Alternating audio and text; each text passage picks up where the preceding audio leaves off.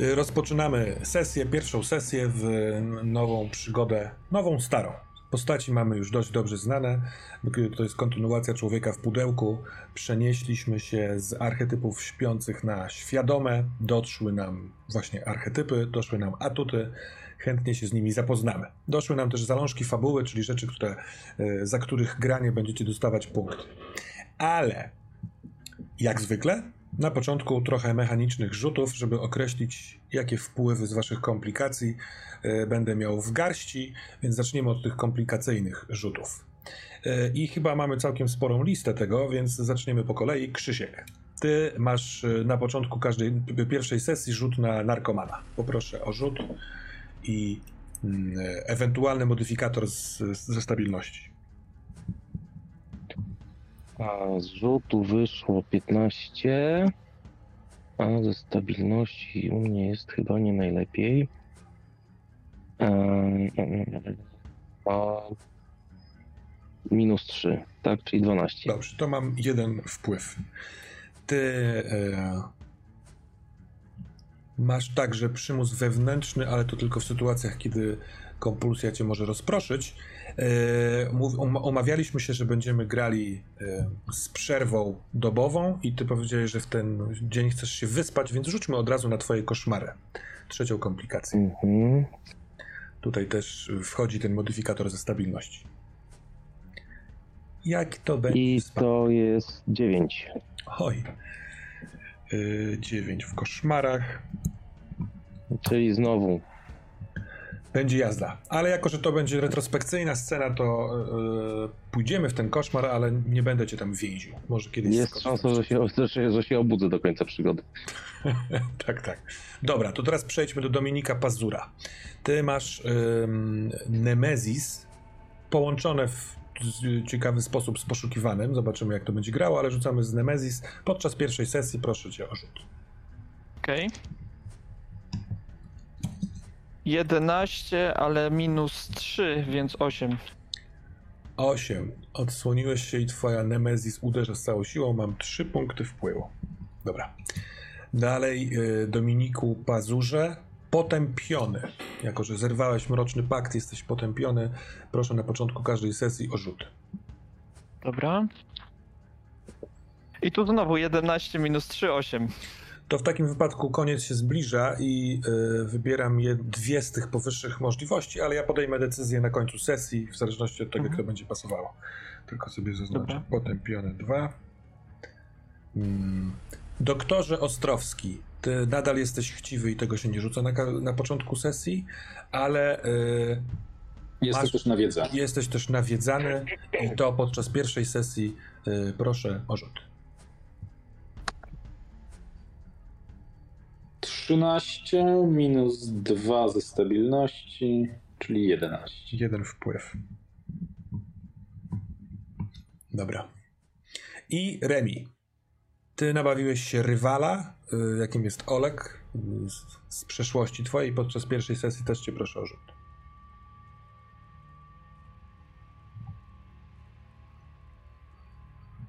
12. Coś tam się dodawało? Chyba nie. No, ze stabilności jest modyfikator do komplikacji. To 10.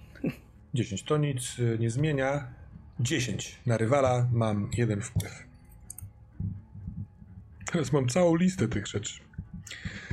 Dobrze, i e, ostatni, bo ty jeszcze masz Remi e, wyparte wspomnienia, ale tego się nie rzuca na początku sesji. Natomiast tak rzucamy jest. też jeszcze na atut, który ma e, Dominik Pazor i ten atut to związany. Bardzo fajnie wymyślona przez ciebie rzecz, żeby z tą mocą, nie wiem, siłą wyższą, z którą miałeś mroczny pakt, który zerwałeś, w pewien sposób jesteście związani. Więc proszę cię o rzut na początku sesji. Hmm? O, to już jest fajnie, bo to jest 17 minus 1, 16. A ten minus Czyli mam... Y, z czego? Aha, bo e, z duszy, tak? Dobra. Bo ja mam ujemną, no. Mhm. Mam ujemną duszę. E, więc będziesz mógł trzykrotnie wybrać z możliwości, które też e, poniekąd dopasowaliśmy do tej sytuacji. Mhm. E, bardzo fajne pomysły. Będziemy o nich konkretnie mówić, jak się pojawią. No dobra. Jest 1 listopada 2021 roku. mm, po bardzo, bardzo burzliwej nocy, e, wietrznej i mokrej. W ogóle po ostatnim takim czasie zauważyliście, że ten dzień e, święto zmarłych jest przepiękny. Jesień w najlepszym e, możliwym wykonaniu. E, ciepłe, jasne słońce, e, jasne, przejrzyste powietrze, e, słońce uwypukla te złotawe kolory na drzewach. Oczywiście widać ślady tych, tej wody, która spadła w ciągu ostatnich tygodni, e, duże kałuże, ale e, ludzie nie, nie używający na ulicach parasoli i kap kapturów od razu wygląda to wszystko jakoś tak spokojniej i normalniej. I po południu tego dnia e, spotkacie się w, w końcu wszyscy. Tak sobie ustaliliśmy. Po, pomyślmy chwilkę, w jakim to miejscu się spotkacie. Czy to u kogoś z was, czy w jakimś neutralnym miejscu? Może w tym klubie twoich znajomych, Remi. Tak, albo tam przy strzelnicy. Też jest spoko miejsce. W tej takiej Tam, gdzie każdy wie. restauracji, tak? Yy, Przy Tak, strzelnicy? bo wydaje mi się, że w tym klubie może być niekomfortowo w sytuacji, w której teraz jest ten klub, więc myślę, że może w tej restauracji lepiej. Mówimy o strzelnicy przyjaźkowej, czy Mhm. nie? Tak. Tak, na Przyjaźkowej. To Hmm? też jest dobra opcja. Myślę, że to jest fajne miejsce. Może być. Sama strzelnica pewnie 1 listopada może być zamknięta, ale restauracja podejrzewam. Tak, tak, tak, na pewno będzie czynna. Będzie czynna. Dobrze, y, zatem y, zaczynamy. Może skoro po południu, to nie wiem, obiadek tam sobie y, jecie, mm, albo przynajmniej jakąś taką herbatą, kawę poobiednią. Jest trochę osób. Myślę, że wielu gdańszczan poczuło y, słońce nosem i y, korzysta z pogody wychodząc. Y, Jest też wolny dzień, co prawda świąteczny, ale ci, którzy już byli na grobach albo wolą opcję chodzenia na groby wieczorną porą, kiedy bardzo ładnie widać światełka, teraz sobie siedzą w restauracji. Tak jak i wy, przy czteroosobowym stoliku, zamawiając potrawę, napoje, patrząc na siebie. Nie widzieliście się y, półtorej dnia. To dwu- 30 października wieczorem wracaliście samochodem z ujeździska po spaleniu pudełka, po ucieczce przed dwójką dzikich, agresywnych mężczyzn i po tym przedziwnym krzyku, który się wydarzył we wnętrzu waszego samochodu, sprawiając, że hełm nagle wyglądał inaczej. Yy, Widzieliście jakąś wielką zębatkę, jakiś wielki mechanizm za oknami, który tak jakby napędzał to miasto. Yy, Ten krzyk rozdzierał i, i wyginał, tak jakby był puentą tych, tego dziwnego dnia, który potargał was. Yy, No, naoczne ślady tych wydarzeń na twarzy Krzyśka Berga, która goi się, ale no jest, jest oznaczona, naznaczona. Dwie dość duże szramy przez cały prawy policzek. No i czas, żeby omówić te, te wydarzenia, albo to, co o tym wszystkim sądzicie. Ale jeszcze zanim e, was, że tak powiem, wpuszczę w, ten, w tą posiadówę, to zróbmy króciutkie retrospekcje, co w ciągu tych półtorej dnia u każdego z was się działo. Na przykład, Dominik, ty w tym krzyku w samochodzie słyszałeś też dosyć jasno, że em, pakt, który zerwałeś, krzyczy z wściekłości i że ten krzyk dzieje się w domu twoich rodziców, z którymi bardzo dawno się nie widziałeś, albo w sensie rzadko utrzymujesz kontakty. Mm, Co w ciągu tych półtorej dnia mm, porabiałeś? Czy jest jakaś jedna rzecz, którą chciałbyś omówić? Tak, ja zdecydowanie właśnie chciałbym odwiedzić ten dom rodzinny. Zobaczyć właśnie, czy coś się tam stało, jeżeli tak, to co. E, Bo jednak, e, no właśnie, usłyszenie tego krzyku wprowadziło duży niepokój, mimo że relacji właśnie z rodziną, tą najbliższą, nie mam najlepszych, to, to jednak wciąż to moja rodzina, więc e, no martwię się o nich zwyczajnie w świecie. Także myślę, że niemal natychmiastowo, to znaczy jak się chociaż troszkę uspokoiła cała ta sytuacja, kiedy my odjeżdżaliśmy samochodem, to gdzieś tam w jakimś dogodniejszym miejscu chciałem opuścić resztę, wysiąść. E, no i jak najprędzej e, zamówić jakiegoś właśnie Ubera, e, żeby się dostać na Osową. Mhm. I to jest na Osowie, tak? Dom jakiś jedno, jednorodzinny? Tak jest.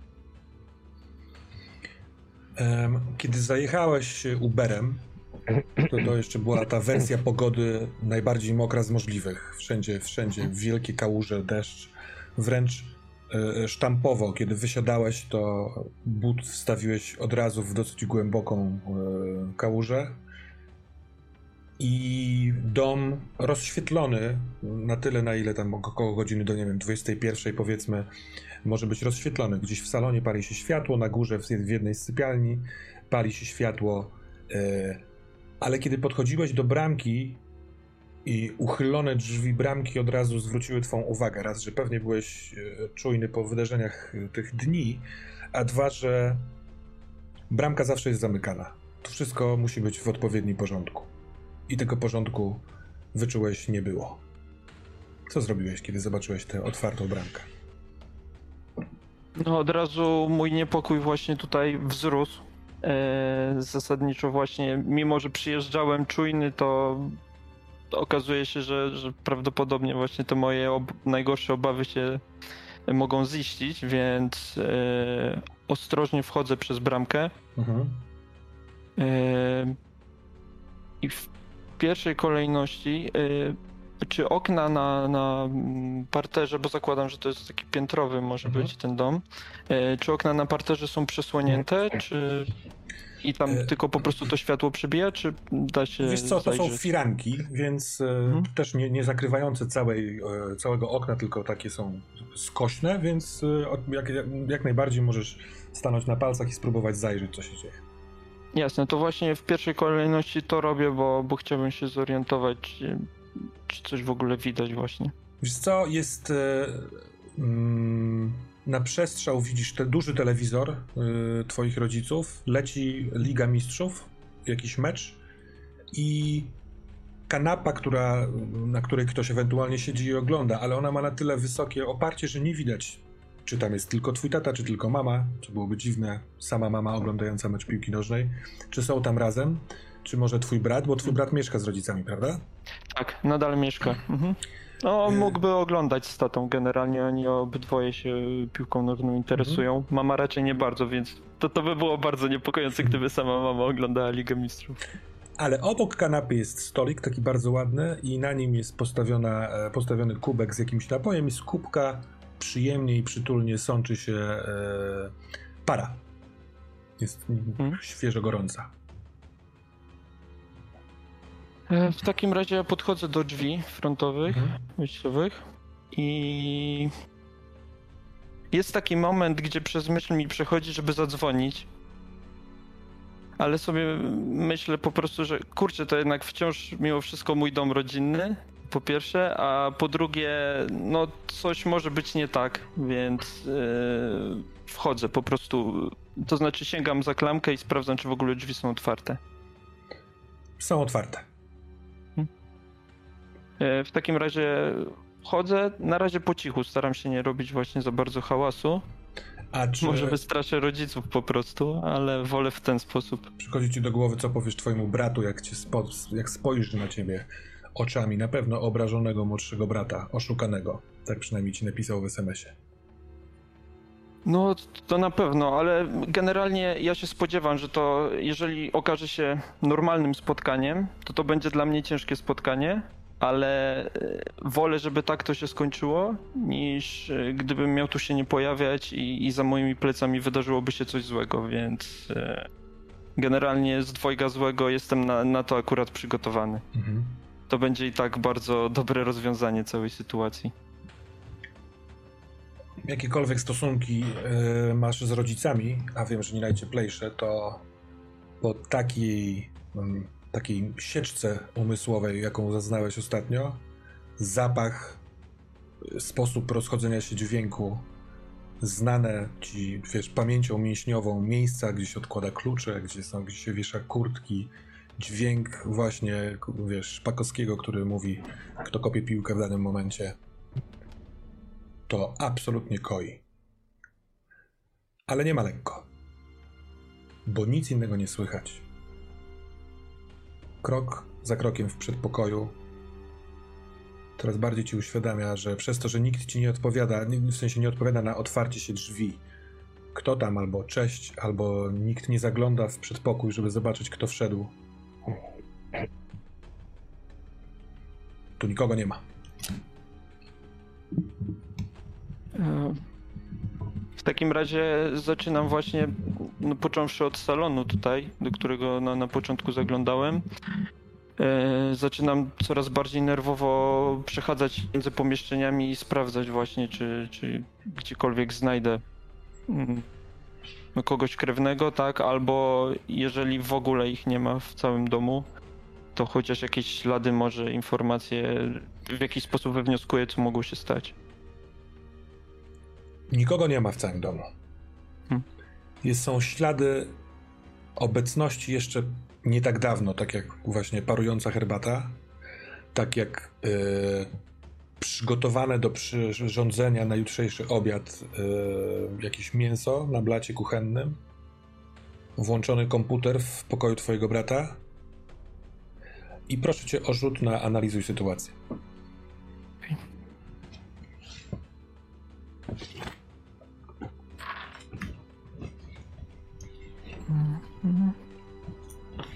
Do tego rzutu dodaje się percepcja. Tak, to jest niestety 9. Na 9 możesz zadać jedno pytanie. E, idąc za odpowiedzią, nie dostaniesz premii. A ja do tego dodatkowo mam jakiś ruch. Mhm.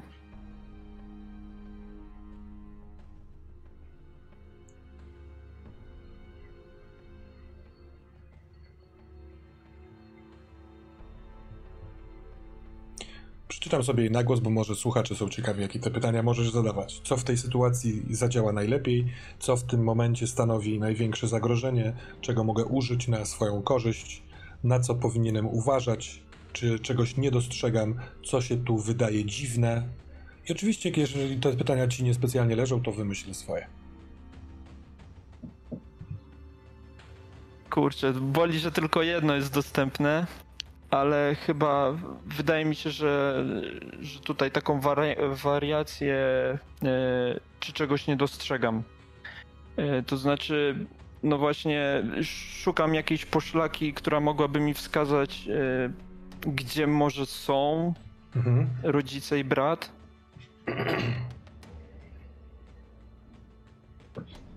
Myślę sobie, że w takiej sytuacji, jaką zostałeś w domu, w każdym z pomieszczeń jesteś po kilka razy.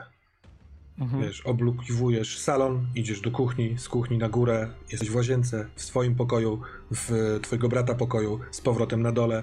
I przy którymś razie, jak jesteś u brata, to dostrzegasz coś, co wcześniej ci umknęło zupełnie. On jest ciepłoluby, zwykle ma mocno odkręcony kaloryfer, a teraz jego okno jest domknięte tylko, nie przekręcona klamka, tylko tak jakby miał, było otwarte i to jest absolutnie niespotykane. I kiedy podszedłeś i spojrzałeś, mm, co to może być, to yy, pod jego oknem jest dach takiej markizy nad tarasem.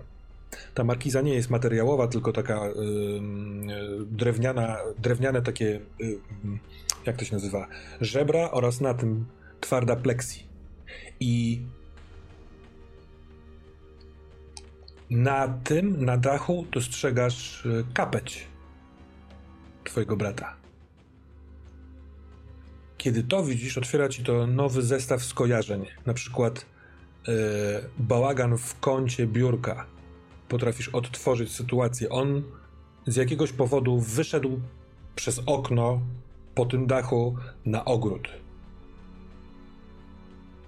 To właśnie wygląda, e, tak patrzę e, po, po stanie tego pokoju, czy tutaj jest na przykład jakiś taki też e, trochę rozgardiaszu, czy to wygląda tak jakby on to zrobił poniekąd własnowolnie, czy był raczej siłą wyciągany przez, przez to okno? Nie, nie ma takiego rozgardiaszu. Nie ma podrzucanych Nie ma jakichś śladów przedmiotów. walki ani nic takiego. I żeby nie przedłużać, jakkolwiek długo tu byłeś, może, może zdecydowałeś się tu zostać. Zaraz y, usłyszymy odpowiedź. Nie ma tu nikogo. Jak przeszedłeś się po ogrodzie, jeżeli się przeszedłeś, to e, no, jest płot e, z lewej i z prawej z sąsiadami, na, a ten na wprost wychodzący na tak jakby takie pola e, na Osowie. No i co ty z tym chciałbyś zrobić? Kończąc tę sytuację. Co z tym chcesz zrobić i nie wiem, zadekować się tu, czy znaleźć inne miejsce na noc? Zdecydowanie znaleźć inne miejsce na noc. Ja tu no, czuję się źle. To, to generalnie zostawanie tutaj tylko wpłynęłoby pogarszająco na moją psychikę, bo raz, że się nie, nigdy za, za, do, za komfortowo w domu własnym nie czułem, rodzinnym, Mhm. a, a druga kwestia, że teraz siedziałbym w domu opuszczonym przez krewnych, y, nie wiem gdzie są kompletnie. y, Nie ma takiej opcji, żebym tutaj zostawał. A, przepraszam, Eee, jeszcze jeden ci element dorzucę, bo kiedy mówisz opuszczonym przez krewnych, ale jeżeli go opuścili własnowolnie, to nie samochodem, bo samochód jest w garażu.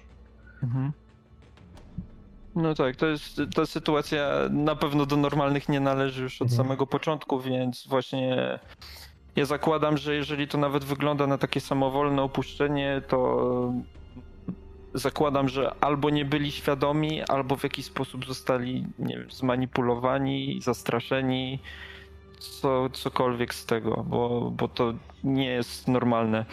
E, zwłaszcza wychodzenie z piętra przez, przez dach e, tarasu. E, w takim wypadku ja myślę, że też robiąc to trochę mechanicznie, bardziej się zastanawiając, co począć w całej tej sytuacji, e, ja doprowadziłem to, ten dom do porządku. To, to jest, powyłączałem te wszystkie sprzęty zostawione, włączone, po, pogasiłem światła.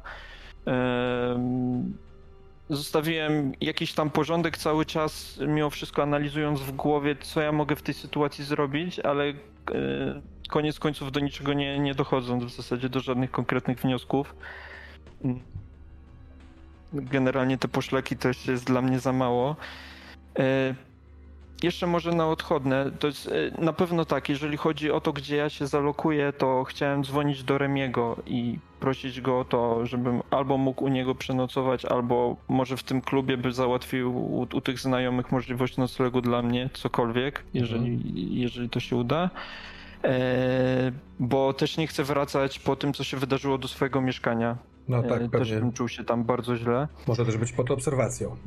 Tak, może być właśnie Napadu. z różnych względów niebezpiecznie. Zwłaszcza, że, że to pod obserwacją jest bardzo szerokie, jeżeli chodzi o osoby, które mogą to robić.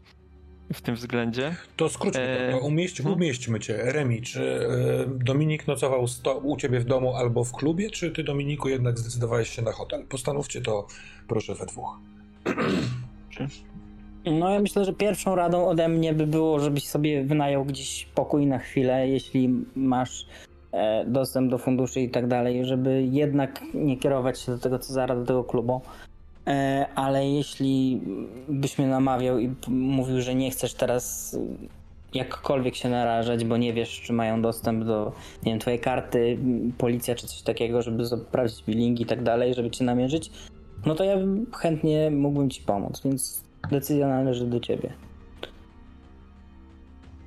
Jestem rozbity i właśnie e, ta opcja hotelu też właśnie mam wrażenie nie pomogłaby mi się uspokoić. Ja potrzebuję właśnie kontaktu z kimś znajomym, z kim mógłbym chociaż porozmawiać o całej tej sytuacji, więc właśnie jeżeli jest jakakolwiek taka przesłanka od twojej strony, że, że mógłbym się u ciebie zatrzymać, to ja z niej chciałbym skorzystać. Dobra. A czy próbowałeś się do nich dodzwonić, do rodziców, albo zgłosiłeś to na policję, przy założeniu, że z tego co pamiętam, wyrzuciłeś swój telefon? E, Tak, ja zakładałem e, chociażby to zamówienie Ubera, że musiałem i tak tę Mhm. kartę SIM przywrócić i przez aplikację tam zamówić, więc e, mam aktywny w tym momencie telefon i no z policją właśnie jakoś w całej tej sytuacji nie czuję się jeszcze może na tyle zdesperowany, żeby chcieć się kontaktować, bo wiem, że mogliby nawet no nie wiem, to znaczy nie tyle nie chcieć mi udzielić informacji, co raczej mimo wszystko miałbym tam duże kłopoty z dogadaniem się. Em, Mhm. nie przeszło mi przez myśl w tym całym zamieszaniu rzeczywiście gdzieś tam e, byłem tak z tym, tym e, zszokowany, zdruzgotany, że mm, nie pomyślałem o tym, żeby zadzwonić, ale skoro ten głos w głowie gdzieś tam właśnie się uaktywnił, to, to próbuję rzeczywiście, czy do mamy, czy do brata zadzwonić. Mhm. Ogólnie z, z, wszystkie, całą trójkę po kolei sprawdzam, czy w ogóle jest sygnał, czy... czy... Zostawiam cię w takim wypadku z długim, wolnym sygnałem po drugiej stronie każdego z tych numerów. Nikt nie Jeszcze tylko jak mogę dorzucić, e, to były właśnie takie rzeczy, które też na odchodnym robiłem. E, chciałem tylko sprawdzić po tym ogródku na Mhm. działce, e, właśnie w kontekście tego dachu tarasu i tak dalej, czy tam na przykład może widać jakieś ślady, czy to raczej wygląda tak, że właśnie wyszli tą furtką, która była uchylona, czy gdzieś się rozeszli na przykład na boki tym, tym, tym Mhm. ogródkiem. Przez to, że przez tyle dni ostatnio padał deszcz, to przy świetle y, na tarasie, ale plus latarka w ręku, latarka twojego ojca, nie udało ci się tej roboty detektywistycznej jakoś wykonać.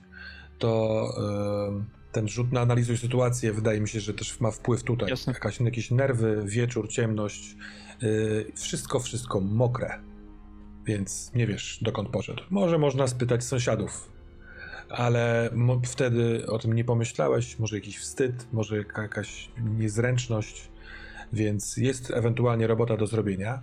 Yy, może chcesz komuś z nich wysłać SMS-a, pomyśl sobie o jego treści ewentualnej, ale zobaczmy, co w te półtorej dnia, odkąd yy, widzieliście się w samochodzie, a teraz widzicie się w restauracji, robił Remi. No więc tak, y, pierwsze co zrobiłem po całej tej sytuacji ze spalaniem pudełka, y, to prawdopodobnie gdzieś odrzuciłem y, moich nowo, y, nowo poznanych niektórych, y, a może nie, może wszystkich znałem wcześniej, kolegów y, po domach, po przystankach. I generalnie pierwszą miałem myśl taką, żeby jechać do domu i odpocząć. Mhm. Natomiast e, wchodząc już do domu, wziąłem torbę e, sportową jakąś tam, powrzucałem parę gratów swoich, parę rzeczy, jakieś ubrania, jakieś najpotrzebniejsze rzeczy e, i pojechałem do Cezara, e, czyli do tego klubu w Śródmieściu, e, gdzie był dziadzia, gdzie była Aneta i Maciek. Mhm. Z tego względu, że po pierwsze nie chciałem trochę być sam w domu teraz, żeby chciałem zająć czymś myśli, a e, najfajniej zajmuje się myśli albo robotą, albo spędza się czas ze znajomymi, więc pojechałem po prostu do Cezara zająć się trochę tym i tym.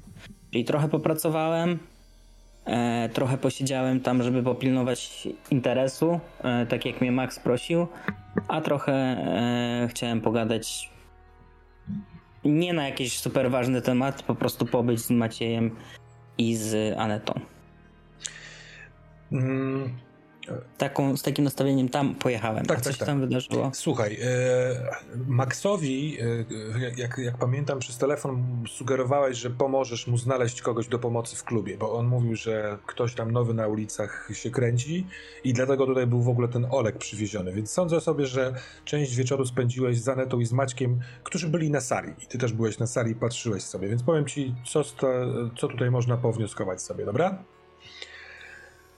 E, po pierwsze, y, dziadzia został umieszczony w jednym z tych pokojów u góry. Nie chciał się stąd ruszać. Y, Tak jak powiedział ci Maciek z Anetą, kiedy przybyłeś, to spał.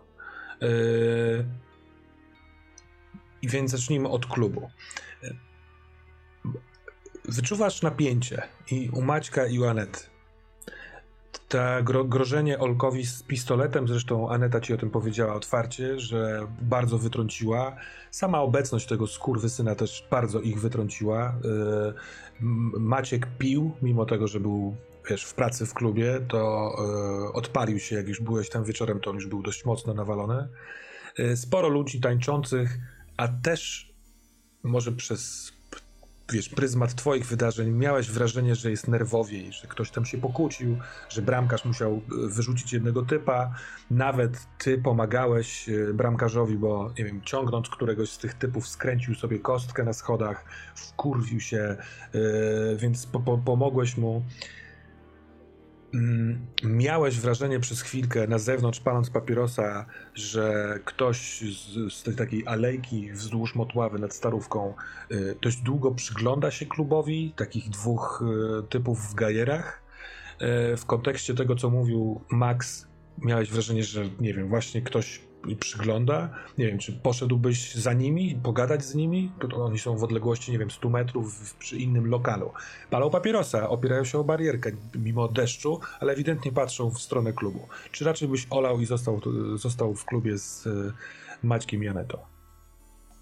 Jakby patrzyli bezpośrednio na mnie i złapałbym kontakt wzrokowy, e, to pewnie bym podszedł, natomiast jeśli e, patrzyliby tylko na klub i na ludzi wchodzących i wychodzących, obserwowali, to na razie bym z tym nic nie robił. Mhm. Wiesz co, patrzyli e, na klub i na ciebie, ale w momencie, kiedy zobaczyli, że ty patrzysz, to natychmiastowo odwrócili się i odeszli z tego miejsca. Poszli dalej wzdłuż motławy w stronę przejścia na długą i gdzieś tam zniknęli w, w, przejściu. I to jest nieznaczące. To możliwe, że to są po prostu dwóch siódków, którzy się zatrzymali na papierosa, a potem poszli, ale suma tych, tych wrażeń, takiego małego napięcia w klubie e, była oczywista. I Aneta w pewnym momencie bardzo chciała e, namówić cię na taką deklarację, żebyś naprawdę zostawił Olka, żebyś nie babrał się w tym, e, w sensie w myśleniu chociażby o tym że długą drogę odbyliście wszyscy, skoro on poszedł i Max powiedział ci przez telefon, że jego tu nie będzie, to może tego się trzymać. I na koniec dnia e, późnego, e, po tym skontaktowaniu się z Dominikiem, e, kiedy, nie wiem, przy zamknięciu klubu na przykład, na schodach pojawił się dziadzia, taki trochę zgięty, trzymający się za ranę, bezbronnie wyglądający, będąc bardzo zaspany, pewnie na jakichś środkach przeciwbólowych i patrzył na ciebie. Chyba nie, nie chciał schodzić z tych takich biurowych e, piętra e, na dół do klubu po schodach, no bo widzisz, że on jest, on jest skręcony. Więc może ty do niego podszedłeś, a jak nie, to on ci zawołał Remi, nie, zdecydowanie do niego podszedłem, jak zobaczyłem go tylko, bo jeszcze nie miałem okazji z nim w ogóle porozmawiać e, po tym wszystkim, bo on spał wcześniej, więc szedłem do niego. Po prostu. Jak tam dziadzia? Czujesz się jakkolwiek? Nie, nie czuję się, nie czuję się. Boli. Co? Musi boleć. Jakby nie jest, bolało, to wiesz. Jest jakiś dym z psami? Musisz się ukrywać czy coś? Co mówią w w telewizorze? Co? Nigdy nie wiadomo. No, minęło dość e, mało czasu. Generalnie wiesz, nie wiem na ile cię odcięło, w którym momencie, no, ale załadowaliśmy się do samochodu. Minęliśmy się co prawda z policją, ale niespecjalnie byli zainteresowani naszym samochodem. Jeśli e, wpadną na to, żeby, nie wiem, patrzeć na kamery, to może coś będą kleić i szukać po samochodzie, ale raczej nic.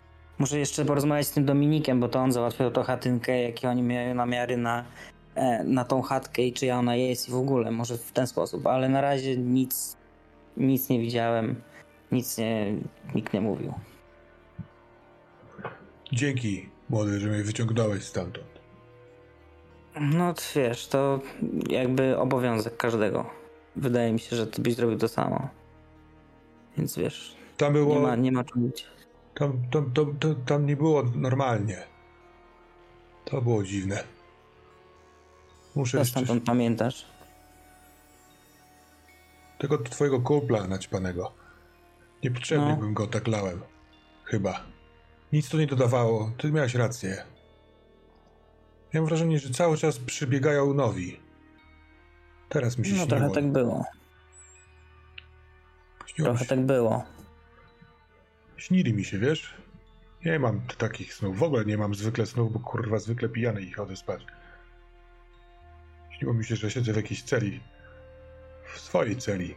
Tej, co przesiedziałem. 12 lat. I co chwilkę podchodzi do kraty jeden z nich takich, kurwa. Tych z wyroli. Mają klucze. Otwierają i wchodzą i muszę się bić z jednym, z, potem następnym, kurwa Katowałem ich w tym śnie. Oni tak przychodzili i przychodzili. Orientuję się. W pewnym momencie dziadzia, że chyba, że się za mocno otworzył, albo że okazuje jakąś słabość, przerywa w pół. Mówisz co, gadałem z Maćkiem, mogę zostać tu w pokoju. Idę się pierdolnąć na wyro, wiesz, jestem skonany. Naćpałem się dużo ketanolu, więc trochę nie trybię. Spoko. Jakbyś coś potrzebował, to dawaj znać. Ja tu też się na chwilę zatrzymam generalnie, bo wydaje mi się, że Max tu trochę potrzebuje pomocy z tym klubem. Super. Eee, Ty, ja w tym pokoju zostawiła, e, była tak, było, był koks ten cały. To jest od tego twojego ziomka? tak, tam były piguły w takim pudle. Znaczy tak, generalnie z y, Krzyśkiem wyszło trochę chujowo, w takim sensie, że on w zasadzie nic złego nie zrobił. Więc to, że dostał w pierdol w tym domku, to trochę nie miło, no ale wiesz, wiadomo jak jest. Myślę, że nie będzie chował urazy po tym później, co się stało. To jest najmniejszy jego problem, że dostał parę razy w ryj. E, ale generalnie on jest w porządku i tam nie trzeba go poprawiać. Oprócz tego, że mógłby rzucić to gówno, bo jak dalej tak będzie, to narobi problemów. I odchodzi korytarzem. Jeszcze nigdy nie widziałeś, żeby to jego przezwisko tak bardzo pasowało do tych przygarbionych e, jakimś ciężarem pleców. On w ogóle w tej rozmowie był, nigdy nie był taki, jak go znasz. On się bał. I chyba e, w momencie, kiedy się z nim pożegnałeś, to z, z, zorientowałeś się, że te wszystkie wcześniejsze napięcia, które w Cezarze wyczuwałeś, one były związane ze strachem. Maciek pił ze strachu, Aneta chciała cię nakłonić o coś ze strachu. Nawet ci faceci, którzy patrzyli, wzbudzali strach albo przyszli tutaj ze strachem. A Robert Ostrowski, pan doktor medycyny, yy, u ciebie, tak jak się umówiliśmy, zróbmy scenkę krótką na cmentarzu dzisiejszego przedpołudnia. Tak? Chciałbyś odwiedzić grób swojego brata. To tylko pokrótce, czy w ciągu tego, tego dnia, który upłynął, po prostu raczej sobie odpoczywałeś w domu, czy zrobiłeś coś bardzo, nie wiem, wyrazistego dla naszej opowieści? Nie, myślę, że po powrocie do, do domu tamtego wieczoru, po spaleniu pudełka, Robert był na tyle zmęczony i rozbity tym wszystkim, że wieczór spędził samemu przy jakimś głupim filmie typu, nie wiem, Mortal Kombat nowe i pół butelki whisky. E, następnego dnia z kolei miał dyżur w szpitalu, mhm. więc też ten dzień upłynął mu dość szybko. Nie, jakby nie, nie sfatygował się na tyle, żeby następnego dnia nie być w stanie iść do pracy, ale na tyle, żeby jednak chociaż trochę się oderwać myślami od tego wszystkiego, co się stało w ciągu wcześniejszych 24 godzin i, i spokojniej spać. Potem właśnie kolejny dzień upłynął mu też bardzo szybko pod pod yy, pod sztandarem właśnie pracy i, i obowiązków. No i kolejnego właśnie 1 listopada stał w miarę wcześnie i zjadłszy jakieś śniadanie, pojechał na mały, taki dość stary cmentarz na hełmie Salvator. Mhm. A umówiłeś się z rodzicami i z siostrą y, na jedną godzinę odwiedzin, czy raczej pojechałeś tam sam? Czy tylko z siostrą się umawiałeś? Myślę, że pojechałem sam, ale już jakby będąc w drodze, wysyłałem po prostu Karolinie SMS-a, że będę jechał na cmentarz i posiedzę tam trochę. To Więc myślę, że kogo w którymś momencie Robert po prostu siedzi na takiej ławeczce, jak to się na cmentarzu mhm. czasem robi przy grobach, taka mała, mała drewniana ławeczka z jakimś schodkiem, schowkiem, przepraszam, pod spodem mhm. na, na miotłę, jakieś tego typu, tego typu akcesoria z e, zapalonymi już pewnie ze dwoma większymi zniczami mhm. postawionymi na, na grobie swojego brata. Trochę wspominając, w którymś momencie nie brał ze sobą żadnych kwiatów, niczego takiego, bo to mu jakoś kompletnie nie pasuje do, ani do siebie, ani do jakby relacji swojej z bratem. Więc, więc myślę, że widzimy go jakby siedzącego na tej ławeczce właśnie od dłuższej chwili i w tym momencie nucącego piosenkę Metaliki, którą Hmm. Szymon bardzo lubił Enter Sandman. Exit light. A czy chcesz, żeby na cmentarzu pojawili się twoi rodzice, albo twoja siostra, albo całą trójką? Chcesz się z nimi spotkać, czy, jest, czy wolałbyś mieć solową scenę z grobem. Myślę, że z Karoliną chętnie bym się spotkał. Mhm. To zróbmy tak. Ona jest e, e, z dzieckiem, z Frankiem. E, nie ma jej męża, bo też ma dyżur swój wojskowy jakiś tam. Mm. A może ona woli przychodzić tu sama, albo dostawszy twojego SMS-a. Tak czy owak, w pewnym momencie słyszysz y, z takich, y, jakby wiesz, gdzieś z boku: Robert, pomożesz mi z wózkiem? I prosi, ponieważ tam jest, wiesz, wąsko pomiędzy nagrobkami, że trzeba tutaj przenieść. No więc siedzicie sobie oboje na tej ławeczce. Franek gaworzy, wesoło, jest bardzo przyjemnie, bo słońce świeci cudowne. I ona siada. Jak się masz? No dobrze, dobrze. Wiesz co, wczoraj byłeś dziwny przez telefon z tą wizytą.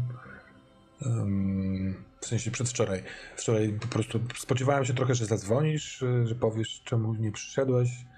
E, I wydaje mi się, że poniekąd, nie wiem, mogłam cię wprowadzić w zły nastrój tym zdjęciem, które ci przysłałam. Co to zdjęcie obudziło wspomnienia, ale chyba poniekąd dobrze. Mam wrażenie, że od kiedy Szymon zachorował, jakoś całe moje życie toczy się wokół tego i miałem już wrażenie, że jakoś to rozwiązałem, że jakoś to miałem przepracowane wewnętrznie, ale chyba jednak nie. Zacząłem. Co uświadomiłem sobie, że ja wcale nie tak wiele pamiętałem z tamtego wieczoru. Tego, kiedy pojechałem na łodzie ściską. Teraz dopiero zaczęły wracać do mnie jakieś dziwne wspomnienia. Tak jakbyś coś, nie wiem, nie chciał czegoś pamiętać, a, a, a co, co ci się przypomniało? Patrzę na ciebie i mm, absolutnie widzisz, a znasz swoją, swoją siostrę, że ją też to wszystko wytrąciło.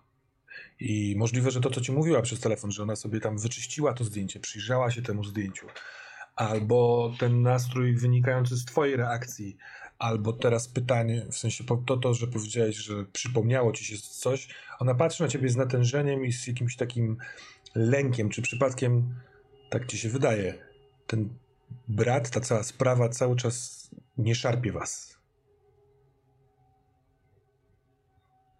Co wtedy, kiedy paliłem te rzeczy, widziałem albo wydawało mi się, że widziałem człowieka, który wyglądał jak on i zszedł gdzieś tam do kanałów przez studienkę kanalizacyjną. Wydaje mi się, że poszedłem za nim, że chodziłem gdzieś po tych kanałach, spotykałem jakichś dziwnych ludzi, jakiś popierdolony to wszystko. Nie wiem o co w tym chodzi, ale zawsze się zastanawiam. Wiesz, od 20 lat, poza może jakimiś ślubami, nie byłem w kościele, już się powoli zastanawiam, czy nie jest jakiegoś egzorcysty albo innego takiego. Czy ty myślisz, że, o, o, że on żyje? Czy ty myślisz, że te zdjęcie, które ci przysłałem, że to jest on? Czy, bo, bo teraz mówisz o egzorcyzmach, mówisz, że schodziłeś gdzieś na dół i widziałeś tego e, e jego? To jest, to, to jest nieprawda, Robert. Mi się wydaje, Myślę, że cały czas czujesz się winny wobec rodziców za to, co zrobiłeś i dlatego chcesz go wskrzesić? Myślisz, że to ich uspokoi?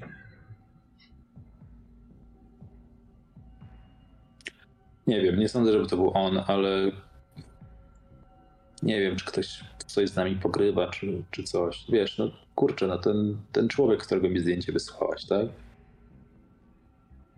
No przecież to jest jakaś diabelnie dobra mistyfikacja. To jest przypadek. Taki? Franek zaczyna płakać. Ona odwraca od ciebie głowę, zaczyna delikatnie, w sensie bujać e, wózkiem, tak jakby chciała go e, uspokoić, ale widzisz, że właśnie nie delikatnie, tylko jeszcze bardziej go rozkręca, dlatego, bo ta ręka chodzi szybko z tym wózkiem. Ona jest taka, e, więc wstaje i musi go wyjąć i już go spokojniej, wiesz, uspokaja na rękach. Co, przepraszam, poczekaj sekundkę. Robert sobie jakby coś przypomniał, wychodzi na chwilę z cmentarza do swojego samochodu, który zaparkował, przypominając sobie, że te dwa dni temu, kiedy miał odwiedzić Karoliny, kupił dla Franka prezent. Mhm. I miał go zostawionego w samochodzie. Nie myślał kompletnie o tym jadąc na cmentarz, ale po prostu no miał, miał też zostawione w samochodzie przy okazji. Eee, więc idzie po ten prezent. Czym wraca? Franek, mam coś dla ciebie, spójrz. I rozpakowuje taki drewniany bębenek z pałeczką do uderzenia, wydając tam kilka dźwięków. Nie taki strasznie głośny, więc jeszcze taki powiedzmy, no, miejmy nadzieję, że w miarę akceptowalny dla rodziców. Ale wciąż podejrzewam, że sprawiający pewną przyjemność dziecku. Absolutnie tak. Franek y, rączką chwyta za pałkę, uderza w bębenek, uśmiecha Jeśli się. ten trzymam ten bębenek, jeśli ten jeszcze nie masz takiej koordynacji, to właśnie trzymam ten bębenek, jak się staram dopasować, w którym miejscu powinien on być, żeby Franek w niego trafił. To nie jest skomplikowany rytm, więc może dlatego wydaje ci się, że to jest prawdopodobne tak w ogóle, ale on na tym bębenku od razu zaczyna grać Enter Sandman Metaliki. Ten rytm ma bardzo, bardzo wiele piosenek, ale ten chłopiec pierwszy raz w ręku ma pałkę do bębna, robi to równo, a ty przez to, że śpiewałeś to przed chwilką bratu w głowie, od razu twój umysł wywala słowa. I to ja, zacznę, no, ja zaczynam nucić. Robert nie śpiewa jakoś idealnie, to jest pewnie jakaś taka bardziej melorecytacja niż, niż śpiew. Ja człowiek umówmy się, akurat wokal w tej piosence też nie był jakiś szczególnie skomplikowany. Ym, tak. Franek jest w niebo wzięty, bo przez to, Exit light, enter night, take my hand, we're off to never never land. No więc y, do tej Never Neverlandii Franek chętnie by z wujkiem pojechał, bo gra cały czas trzymając bardzo równo, bardzo y, wprawnie ten rytm, a ty dostrzegasz dwie y, rzeczy. Matka, czyli twoja siostra, patrzy przez chwilkę na swojego syna, y, którego trzyma na rękach i na ciebie, jak razem tworzycie pół, pół metaliki i absolutnie się nie uśmiecha, nie ma w tym nic urocze, uroczego, tylko jest przerażona tym, co się dzieje. Oraz Franek, cały czas uśmiechając się do ciebie i grając, spogląda na grób Szymona, twojego brata. I idziesz za tym spojrzeniem. I na nagrobku siedzi przycupnięta sowa. Bardzo blisko ludzi. I robi ten swój dziwny numer z głową przekręca, tak jakby patrząc.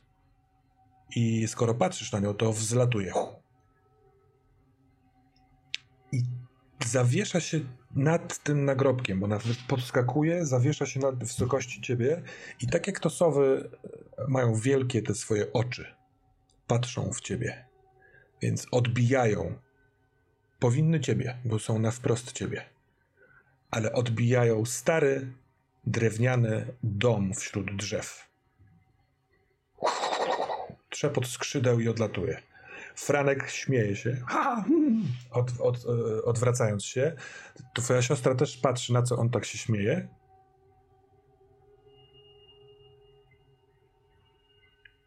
Będę szła, jestem umówiona na obiad z rodzicami. Może chcesz wpaść na obiad do rodziców. Oni powiedzieli, że przyjdą na grób e, Szymka po południu. Ale nie chcę się spóźnić, więc To chyba nie dziś, dzięki. Przytulam ją jeszcze, jak tak, jak tak jakby stoi z Frankiem na rękach, tak przytulam ich oboje. Mhm. Jak przytulasz ich oboje, to Franek pałką na twoich łopatkach cały czas, tylko teraz już taki chaotyczny budum, budum, dum, dum, dum, yy, ogrywa, a Karolina mocno się w tobie, w ciebie wtula, daje ci całusa w policzek i mówi, nie wiem, nerwy jakieś. Dziękuję ci. Trzymaj się. Przepraszam, Właśnie skończę to niedługo. za nic nie przepraszaj. Przez, przestań już przepraszać. Kocham cię, bracie. No po czym wkładam ten bębenek w ręce Franka, tak pomiędzy Franka, żeby jakby był pomiędzy jego klatką piersiową a jej, jeśli on go trzyma, żeby mu nie Mhm. wypadł. E, Opadam jeszcze na chwilę na ławkę, po czym pewnie jakieś kilkanaście, może kilkadziesiąt minut po nich wracam do samochodu i, i jadę w kierunku strzelnicy. A jak ten czas spędził Krzysiek Berg, nasz pocięty i bardzo srogo przećpany yy, bohater? Krzysiek po całej e, tej nocy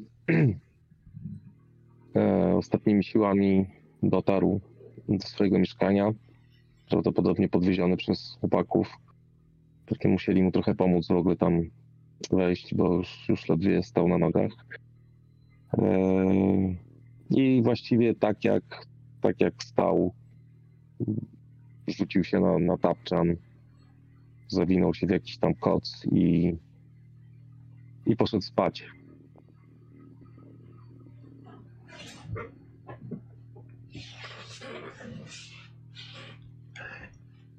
W ciemności słyszysz głos taki chropowaty, taki bezdomny, głodny, głodny głos.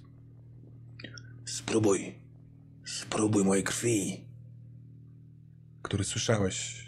Mm, chyba to było dzisiaj. Kurwa, trudno zmierzyć to miarą, ale w tym domu, w którym ten starszy facet cię klepywał, tam był też Remi.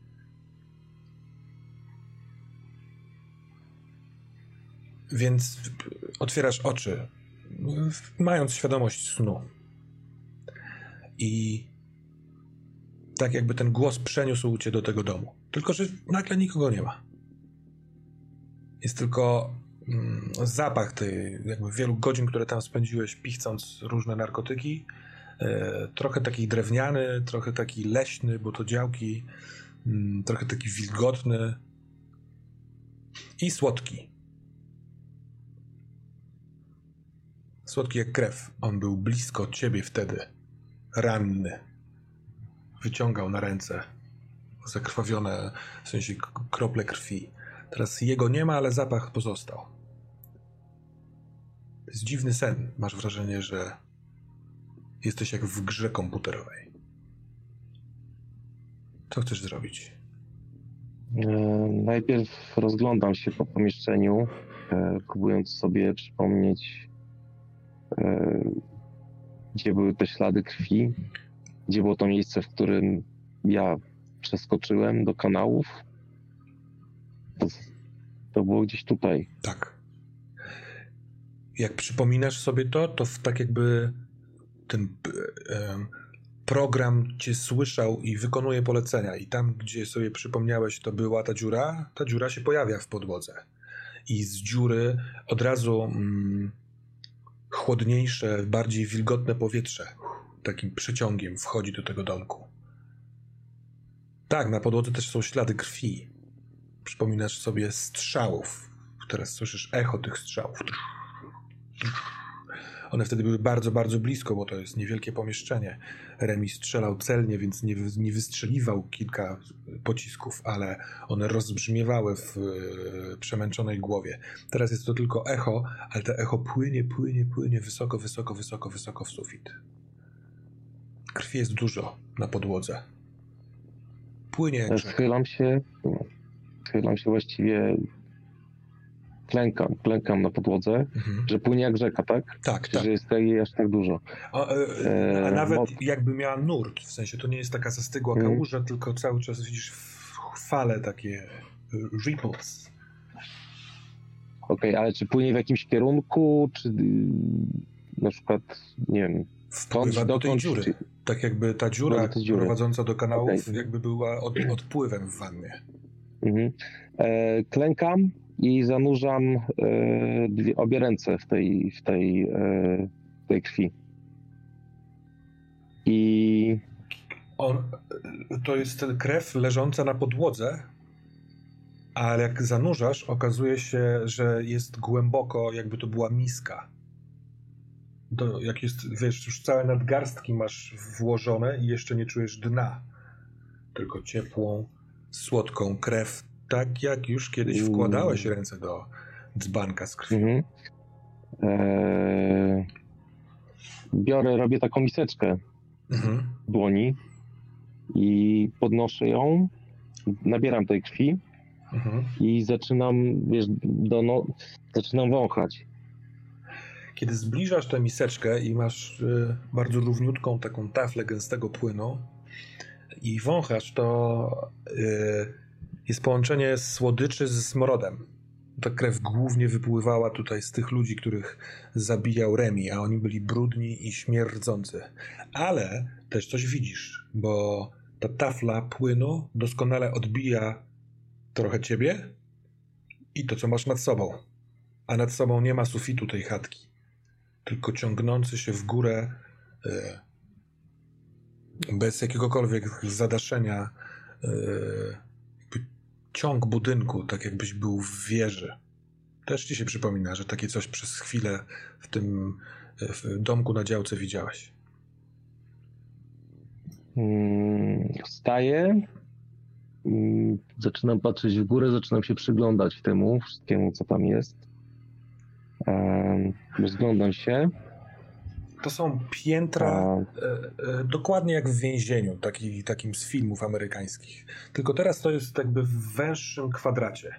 E, Kolejne takie antresole e, blaszanej podłogi z blaszanymi e, rurkami i o, jakby je, trochę widzisz z tego dołu na tych pierwszych piętrach e, kraty Mhm. cel. I schody pomiędzy tymi piętrami. Natomiast coś, czego no nie, pamię- chciałem... nie pamiętasz tego wspomnienia, to też są schody z tej pierwszego piętra prosto do domku. E, idę w kierunku schodu, zaczynam wchodzić po tych schodach. A z krwią w rękach cały czas? Może E, że- nie, krew, krew y, strzepuję z dłoni, wycieram o spodnie, tam o ten i zaczynam iść na górę. Mhm. Jak wycierasz y, o, y, o, o, o ciuchy ręce, to masz wrażenie, że mm, chyba jesteś skaleczony. Wiesz, jak się trze, o, o, no czujesz tutaj Mhm. na, na palcu wskazującym nacięty na skórek takiego Mhm. świeżego e, zacięcia. Nie wiem, może tam włożyłeś rękę w tym. Nie, spokojnie, jesteś w śnie, więc to chyba tylko. A może ty się kiedyś zaciąłeś w ten palec? Ale jak robisz pierwszy krok na stopień, to przez to, że to jest blaszany ten taki, blaszana podłoga, blaszane stopnie, to echo unosi się. Tak jak wtedy w tym domku działkowym widziałeś przechylonych przez e, poręcze e, mężczyzn na kilku piętrach. Patrzyli w dół. Tak teraz wydaje się być zupełnie pusty. Mm, pusta ta wieża. Tylko echo. I chyba cichy płacz. Chyba kogoś starszego, taki, takie masz skojarzenie. Czy jestem w stanie y, zorientować się skąd y, nadchodzi ten płacz, ten dźwięk? Wydaje ci się, że on jest na tyle delikatny, że musi być e, bardzo blisko. Na pierwszym piętrze, może na drugim piętrze. No Okej, no to w takim razie szybko obchodzę pierwsze piętro, zaglądając, bo to są cele, tak? Tak. Dobrze rozumiem. Jak wchodzi, Zaglądając do każdej celi, jak wchodzi na to pierwsze piętro, to widzisz mm, nieracjonalny ogrom tego. Na dole miałeś wrażenie, że ten kwadrat jest mniej więcej wi- wielkości chat, chatki na działce. Ale teraz widzisz, że na każdej, na, na każdej ścianie, kurwa, są jest parędziesiąt tych celi, może nawet setki, mhm, ale taki, doskonale widzisz, w której celi jest ten płacz. To taka senna wiedza. Może nawet mógłbyś zrobić jeden krok i tam się znaleźć. Chyba, że chcesz się przejść. robię ten jeden krok. I znajdujesz się tuż przy tej celi. Jesteś naprawdę, odwracasz się i widzisz, że daleko od tego wejścia ze schodów Mhm. spoglądasz w celę. Kraty, takie właśnie stereotypowe, standardowe kraty. Podłużne pomieszczenie, wąskie, ale podłużne i ledwo widoczne na granicy światła, bo w samej celi nie ma światła, tylko przez te kraty z głównego korytarza dochodzi. Siedzące dwie osoby chyba i jedna z nich płacze. One się siedzą obok siebie na pryczy, obejmując się rękoma, tak jakby się pocieszały. I mężczyzna płacze. O, o, o, o. Zobacz, tu ktoś jest. Kim pan jest? Mm, Co, co, co tu robicie? Skąd się tu wzięliście? On, on, on mówi normalnie. Pan może otworzyć drzwi? No, szarpie za drzwi, próbując je otworzyć. E, drzwi mają taką dużą dziurkę na klucz, taki wręcz, no też taki przegięty. Wyobraź sobie od razu, że klucznik z taką ilością kluczy to miałby wielgachny pęk wielkich kluczy, ale no są zamknięte na ten klucz. Kobieta wstaje i Stasiu, on jest inny, on jest zupełnie inny i idzie w twoją stronę. Poczekaj, Anka, nie, nie idź do niego. To wszystko jest oszukane tutaj. Co się panu Ja stało w odzywam- twarz? Pyta kobieta. E, W twarz, tak y, przykładam rękę do ten, przypominam sobie, Masz że mam te opatrunek. blizny. No. Opatrunek. To mam opatrunek we śnie, czy... no nie wiem, masz opatrunek we śnie, tak jak się kładzie Jakoś tak mi się wydawało, że nie mam, że, że nie Dobrze, mam. tak, to masz... Nawet, nawet wręcz, że te rany są jakieś takie bardziej żywe. Aha, Że być może też z nich jeszcze krew leci. Tak jak leciała wcześniej przez dłuższy czas. Eee, mm, pan, czy pan może, Tak. może mi powiedzieć, gdzie, gdzie my jesteśmy tak naprawdę? Gdzie, gdzie to jest w Gdańsku? my jesteśmy, jesteś, jesteśmy na działkach, ale, ale Na, na działkach? no Odej, tak, Odejdź od niego, Aniu, odejdź od niego. Na jakich działkach, panie? Co pan?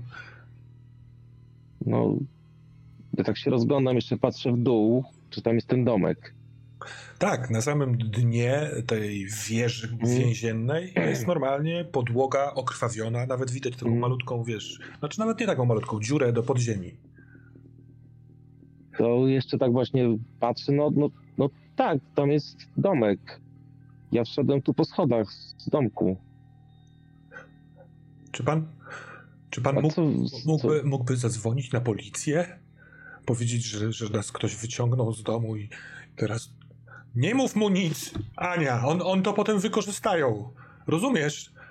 Będą wiedzieć tak jak o mnie wszystko. Ja się tak w ogóle sprawdzam, czy ja w ogóle mam telefon przy sobie. Nie, jesteś w piżamie. Teraz to Jestem w piżamie. dostrzegasz. Ale sk- skąd was, skąd wy tu jesteście? Skąd was wyciągnęli? Kto was wyciągnął? Ten facet y, wstaje z tego łóżka, z za pleców kobiety i idzie w jej stronę. Ona stoi od kraty, od ciebie jakieś trzy kroki.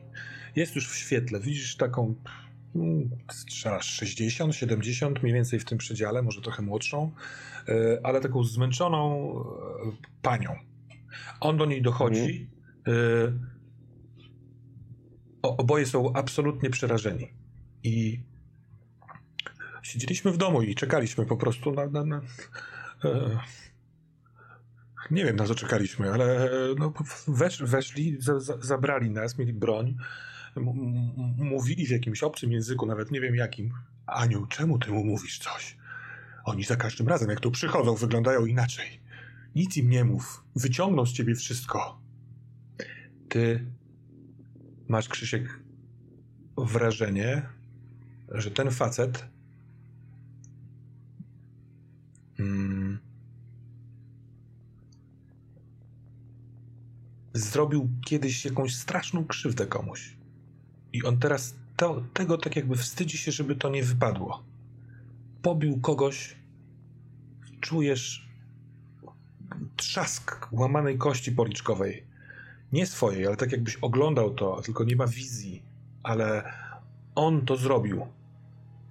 I on wie w tym momencie, że ty to wyczułeś. Patrzy na ciebie i nie, nie zabieraj mnie tam z powrotem, nie rób tego. A ty słyszysz za plecami kroki. Takie jak ty stawiałeś te kroki na schodach, tak teraz słyszysz inne kroki i te echo spotęgowane klatką schodową sprawia, że masz wrażenie, że kurwa idą po wszystkich tych schodach. Kobieta sięga szybko do kieszeni, bo ona też to słyszy i e, w twoją stronę kieruje telefon. Pan, niech pan sprawdzi, czy jest zasięg. Niech pan sprawdzi, czy jest zasięg. Co robisz? Biorę ten telefon i patrzę rzeczywiście, czy jest zasięg. Tak, jest zasięg, Ale, ale jest zablokowana, ale wiesz. No, no jest, jest zasięg. Przecież pani może zadzwonić. Tak? Proszę mi dać. Dajesz jej telefon? Daję jej tak. Tak, ona od, y, rysuje ten, wiesz, znaczek. Trzęsą jej się ręce. Staśku, jest, jest, jest zasięg. I dzwoni i od razu wykręca numer. Co robisz? Czy patrzysz na nią? Czy czekasz? Czekam, Czy... tak. Czekam, patrzę na nią. E, z- Czy rzeczywiście, znaczy ten od, odgłos jest na razie z daleka, tak? Czy to już jest Te, teraz? te, tych odgłosów jest Ale- kilka, ale jeszcze są z daleka. Ale zbliżają się. na razie, tak, na razie jestem czujny, ale, ale czekam, co się stanie. Dobra. Ona czeka. Słyszysz y, ze słuchawki powolny, jakby zwolniony, wolny sygnał. A facet patrzył przez chwilkę na nią, spogląda na ciebie i mówi nie, nieco odmienionym głosem. To tutaj działa w dwie strony. Ty może widziałeś mnie, ale ja też widziałem ciebie. Czuję, jak jesteś podniecony, jak wstrzykujesz. Izie, to gówno. Patrzysz, jak rozszerzają się jej powieki, ale boisz się. Boisz się, jak zaczynają pękać jej żyłki w białkach. Ty też tu trafisz, zobaczysz. Kroki są coraz głośniejsze, a ona się łączy. Dominik? Dominik, halo? Dominiku, coś wybudziło cię ze snu? Po chwili dotarło do ciebie, że to telefon dzwoni twój i widzisz numer twojej matki. Biegam natychmiast. Dominik, E, nerwowo tego odbieram. Mamo? ty dzwoniłeś do nas. Gdzie ty, gdzie ty jesteś? To nieistotne, gdzie wy teraz jesteście? Nie, nie, nie. Co się z wami dzieje? Nie wiem, przyszli jacyś faceci, jacyś z zagranicy i oni, oni nas zabrali do samochodu. Jesteśmy w jakimś, jakimś bardzo, bardzo dziwnym domu. Krzysiek, z pleców tej pary staruszków ktoś jeszcze wstaje z tego łóżka. E, łóżko robi ciche jęknięcie. Facet się odwraca. O nie, nie znowu. Ta kobieta też się odwraca. Dom- Dominik, słuchaj, musisz znaleźć brata. My sobie jakoś poradzimy. Nie wiem, dzwoń na, polic- na policję. I widzisz, Krzysiek, jak ktoś wykonuje taki szybki, nagły ruch i wytrąca telefon z ręki tej kobiety. Dominiku, zrywa ci nagle połączenie w połowie zdania i jak podnosisz telefon, próbujesz w, e, wykręcić na nowo, to i tego połączenia już nie ma, jest zerwany numer. A ty, Krzyśku, słyszysz wokół dużo schodu, e, kroków na schodach. Mhm. Ta para staruszków teraz jest plecami do ciebie, bo patrzy na to coś, co z, z cienia się kieruje, a z cienia wychodzi, robi krok. Młoda dziewczyna, dwudziestoletnia może, w kitlu pielęgniarki i z dwoma głowami. Jedna głowa skierowana jest w stronę tego mężczyzny, tego Stanisława, i mówi: No, uderz mnie jeszcze raz. Wiem, że to lubisz. A druga głowa jest skierowana do ciebie, uśmiechnięta, i mówi: Twoja cela, Krzyśku, jest tu obok. Zaprowadzić cię, czy trafisz sam? Czujesz zapach wanilii? Dym unoszący się, albo jakaś para z tych dziur w podłodze, na której stoisz, bo to jest ta metalowa taka podłoga, i wzdłuż nóg czujesz, jak ten dym idzie, i w uchu bardziej, tak jak wczoraj chyba, kurwa, nie wiadomo kiedy, w tym samochodzie słyszałeś głos Liaur, która mówi: Uciekaj stamtąd, Krzyśku. Wciągaj do nosa. Wciągaj do nosa ten mój dym. Co robisz? Zaciągam się tym dymem. Ściągam się tak mocno. On jest jeszcze na tyle nisko, że musisz paść na kolana. Jak padasz na kolana, to widzisz, Mhm. że z, tej, z tego piętra y, dolnego, tak jakby z chatki, tam, tą drogą, którą ty przyszedłeś, wychodzi y, mężczyzna łysy z dużymi, sumiastymi wąsami w takiej szarej koszuli z podniesionymi rękoma, rękawami. I on rzeczywiście ma w rękach wielki klucz i pokazuje cię palcem. Krzysiek Berg, stój! A ty w tym momencie zaciągasz się wanilią i budzisz się 1 listopada, pogięty cały od bardzo, bardzo długiego snu.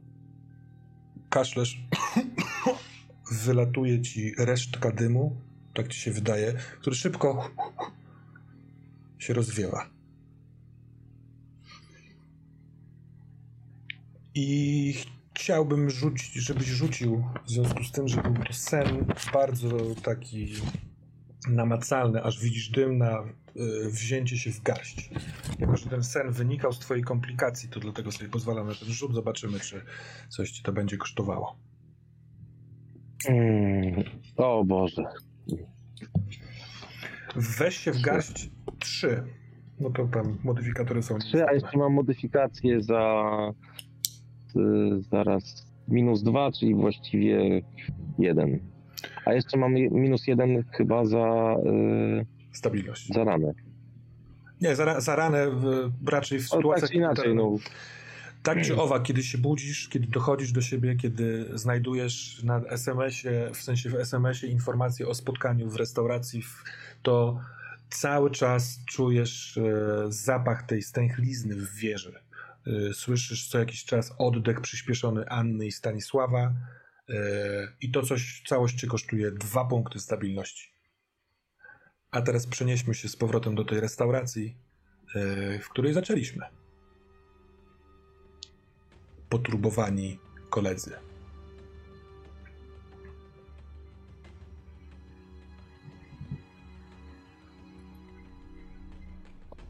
Mm, Ja Myślę, mam jeszcze że pytanie techniczne, jeśli mogę. Proszę. E, Czy Remiego albo moje spotkania były na tyle pozytywne, żeby jakoś redukować stabilność? Bo to chyba w obu naszych wypadkach były nasze relacje. Tak. Znaczy nie redukować właśnie, tylko... Nie, podwyższyć. Good point, Podwyższyć. rzeczy, rzeczywiście. E, e, Ty masz, jako że one nie były aż tak jedno, jednoznacznie pozytywne, to tylko po jednym punkcie, ale obaj możecie sobie podnieść po jednym punkcie. Dominik, z drugiej strony twoja, e, ten telefon e, przede wszystkim, zaraz będziemy prowadząc już scenę, się dowiemy, czy ty coś jeszcze zrobiłeś, dzwoniłeś, czy szukałeś, E, s- s- skondensujemy to, ale nie chcę ci obniżać e, stabilności, bo mam odczucie, że jesteś tak poryty tymi ostatnimi wydarzeniami, że trochę więcej trzeba, żeby cię tam dognieść. I tak jesteś w, w kompletnym proszku. Przyjaciel w szpitalu, wszyscy oszukani. Kurwa, rodzice dzwonią, nie wiedzą gdzie są. Więc e, doczekałeś do tego 1 listopada do spotkania i proszę, co u? Paradoksalnie przy tym wszystkim to jest dla mnie i tak światełko nadziei, bo wiem przynajmniej, że żyją, nie? Więc Mhm. nie jest źle. Aż tak. No właśnie, to, skoro mówisz to, e, e, w ten sposób na to patrzysz, to też oznaka, że ta stabilność jest bardzo nisko. Jeśli nazywasz to, co się wydarzyło, światełkiem nadziei. Hmm. Trzeba się łapać wszystkiego. Panowie, przyznam szczerze, że nie, są, nie sądziłem, że to powiem, ale dobrze was widzieć. Bo chyba jesteście jednymi z nielicznymi osób, które nie uznają mnie za świrę. Zacznę z nimi szczerze rozmawiać. To już coś. Pytanie, czy wszyscy nie oszaleliśmy? Nie wiem, ja z nikim muszę nie rozmawiałem na ten w temat. towarzystwie. Nie wiem, czy jesteśmy aż tak dobrym towarzystwem, ale No, my takie pytania na studiach mieliśmy, nie wiem, na przykład, czy doktor też z takimi walczył? Na zasadzie, czy w gronie szalonych szaleńcy dalej są szaleńcami?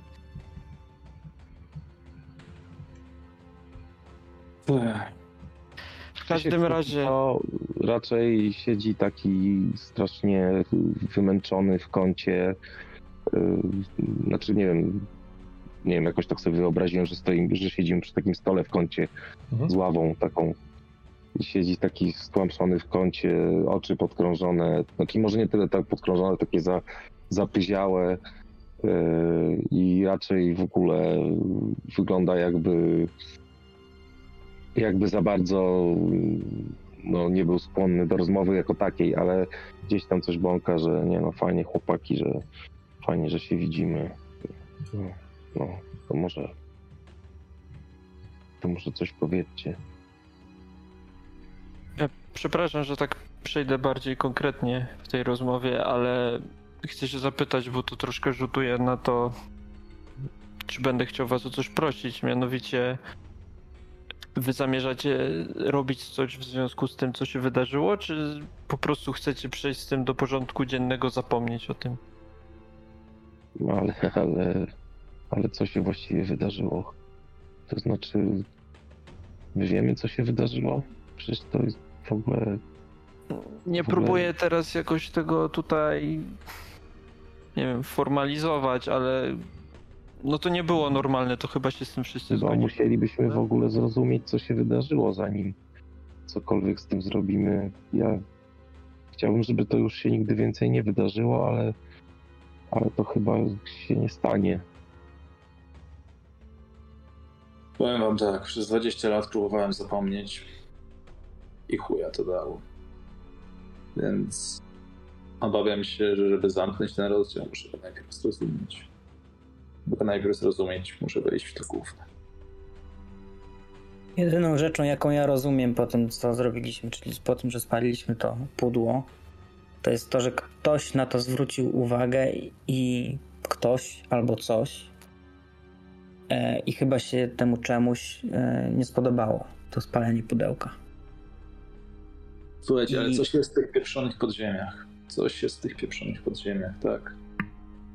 Nie wiem co, nie wiem kto. W ogóle... Dominik, ty się znasz na, na takich rzeczach. Jak go znaleźć? Kładę na tej ławie pomiędzy nami, w takim stoliku drewnianym, twój telefon z, ze zdjęciem mężczyzny no, dość podobnego do, do Roberta, nieco starszego, paradoksalnie z nieco większą ilością włosów, które ty już zresztą mi powiedziałeś, bo ci wysyłałem swego czasu. Dwa, trzy dni temu MMS. To, że powiem tak. Sam w sobie nie jestem od tego ekspertem. Zawsze miałem współpracujące ze mną osoby do pomocy. Teraz troszkę się pokomplikowało i sam raczej tego człowieka nie znajdę, zwłaszcza, że sam szukam mojej rodziny. Jakiej rodziny? To jest to. rodziców i brata. Ech, Wtedy, jak jechaliśmy tym samochodem po spaleniu tego pudełka, słyszałem krzyk. Krzyk z. e, Nie wiem, jak to się stało, ale ten krzyk miałem. Sprawiał wrażenie, że dobiegał z mojego domu rodzinnego. E, Zresztą myślę, że pamiętacie, ja dosyć tak nerwowo się z wami rozstawałem po tym wszystkim i czym prędzej jechałem właśnie do tego domu rodzinnego, bo nie dawało mi to spokoju. Przyjechałem i mm, o ile może w domu nie było żadnego rozgardiaszu, natomiast wyglądał on na zostawiony w trakcie takiego normalnego, codziennego użytkowania. Tak jakby właśnie mieszkańcy wyparowali. Mieszkańcy, czyli rodzice i mój brat. Eee, przeszukałem wszystko, sprawdziłem. Trochę wyglądało to tak, jakby wyszli o teoretycznie własnej woli.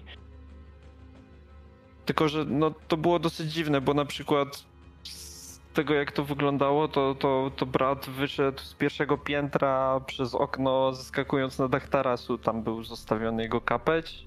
Nie wyglądało, tam nie było śladów szamotaniny. Nie wyglądało tak, jakby ktoś go na siłę wyrzucał, wyciągał, cokolwiek.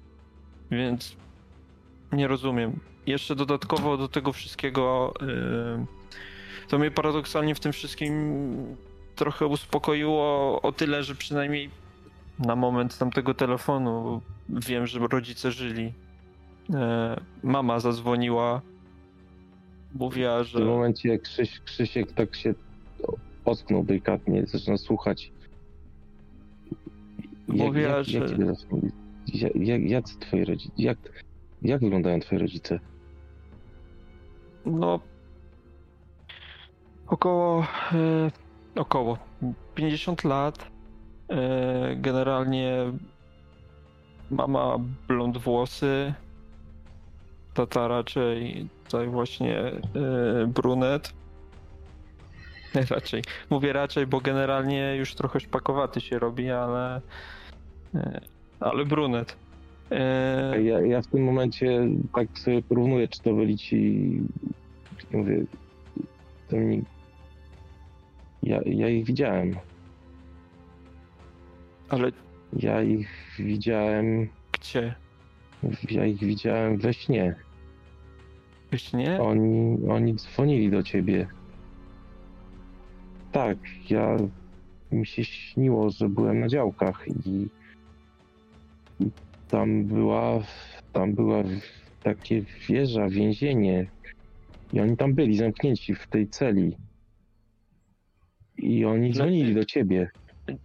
Czekaj, czekaj, czekaj. E, Na działkach i wieża była? Mm, No, ja, ja wiem, Nie że mamy to nie czegoś ma takiego w To Gdańsku. To ma To sens. był jakiś To ma sens, ja też to widziałem. Też Znaczy nie widziałem twoich rodziców, ale wtedy, kiedy byliśmy w domku e, z dziadzią po Krzyśka, to w pewnym momencie jakby zniknął, tak samo jak Krzysiek, wiem jak to brzmi, ale zniknął sufit i pojawiła się do góry wieża, klatka schodowa z, i wyglądało to właśnie jak wieża jakiegoś więzienia z, E, To był moment. W sensie to był taki moment, w którym można było to zaobserwować. Byli tam ludzie, którzy patrzyli w dół na nas, na to, co się dzieje, czy w jakimś nie wiem, teatrze, czy coś. Mm. I to chyba jest to samo. W sensie nie wiem, czy Krzysiek wtedy to widział, e, wtedy jak była ta sytuacja w, całym, w domku, kiedy nas atakowali, kiedy dziadzia dostał brzuch. Ale jeśli mówimy o wieży i o więzieniu, no to to wygląda na to samo. Ja wtedy nie spałem, gwarantuję ci. Brzmi jakbyście powariowali do reszty, albo nie wiem Krzysiek, co ty tam robiłeś w tym domku, co tam za opary mogły się unosić. Niemniej, choć brzmi to jak coś pojebanego, to ja w tym momencie przyjmę każdą informację, która pomoże mi znaleźć rodzinę. Ale miałeś telefon od nich, tak? I, i, i, i nagle przerwało. Tak. Mama mówiła, że muszę znaleźć brata. I nie była No. w stanie mi powiedzieć, gdzie są. Nie wiedziała, gdzie są. To byli oni i oni, ja słyszałem tę rozmowę. Byłeś przy niej? Oni dzwonili do ciebie z mojego snu. Jakkolwiek to nie ma w ogóle sensu, ale, ale tak właśnie było. Ale jesteś pewien? W sensie, że Oni, to była ta rozmowa? tak, tak, słowo w słowo. A widziałeś To tam, jakiś... No, widziałeś gdzieś tam mojego brata? Nie, nie, nie. Tam w, w celi była jakaś. Wiesz, to w ogóle wyglądało jak jakiś, jak jakiś czyściec, jak jakieś więzienie. Oni byli tam. Tam była jeszcze, jeszcze był ktoś z nimi. Jakaś, jakaś, jakaś dziewczyna. Jakaś pielęgniarka. Ona miała dwie głowy. To, to nie ma sensu, ale przecież to, przecież to był sen. Jak oni. Wiesz, Krzysiek jeszcze bardziej zaczyna się tak jest w ogóle mm, fizycznie i psychicznie rozwalony totalnie, więc zaczyna się jeszcze bardziej jakoś tak zamykać w sobie, tak się bardziej kulić w tym, e, w tym kącie mm, e, Ziek, tej sali. pokus. Czy oni ich tam torturują? Co tam się dzieje? W sensie mają Ja chociaż nie wiem, oni- tego, że będą żyć? Słuchaj, nie mam pojęcia, oni byli przerażeni, oni byli tak jakby, tak jakby tam to oni tak jakby nie mieli żadnej nadziei, oni mnie prosili, żebym zadzwonił, ale sami mogli do ciebie zadzwonić. Tam się działy jakieś naprawdę, ale oni tam byli sami, tam byli sami i ktoś do nich szedł. Ja chciałem ich wypuścić, ale, ale, ale ta cela, w której byli, by- była zamknięta i, i, i potem przyszedł, przyszedł jakiś przyszedł jakiś strażnik. Dobra, panowie. Ale- Czy jest ktokolwiek, kto byłby nam w stanie powiedzieć, co tu jest kurwa grane? To my błądzimy. My błądzimy jak we mgle, ale jeśli z drugiej strony, wiecie, tym mieście, kurde, żyje pół miliona osób. Jeśli my mamy takie jazdy i widzimy dziwne rzeczy, myślę, że nie jesteśmy jedynymi. Może ktoś coś widział, może ktoś coś wie. Nie wiem, Dominik. Nie miałeś Ja- kontaktów do jakichś, nie wiem, kurde. Wiem, że to głupio zabrzmi, okultystów, nie okultystów.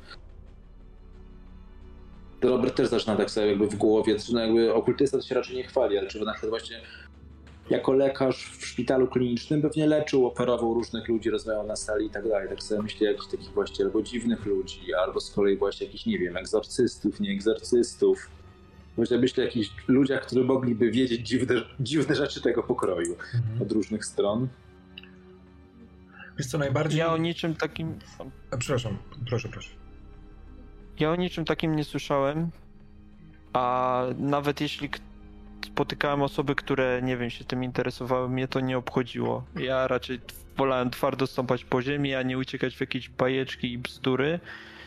Jak No się dobra, ale okazuje, wtedy, wtedy cię nie, nie obchodziło, bo to wyglądało na bzdurę, ale może jakby kojarzysz taką osobę, do której możemy, nie wiem, zadzwonić, pojechać cokolwiek i zobaczyć, czy te jego bzdury przypadkiem jakoś nie mają jakiegoś punktu przycięcia z tymi naszymi bzdurami, które okazały się nie być też takimi bzdurami.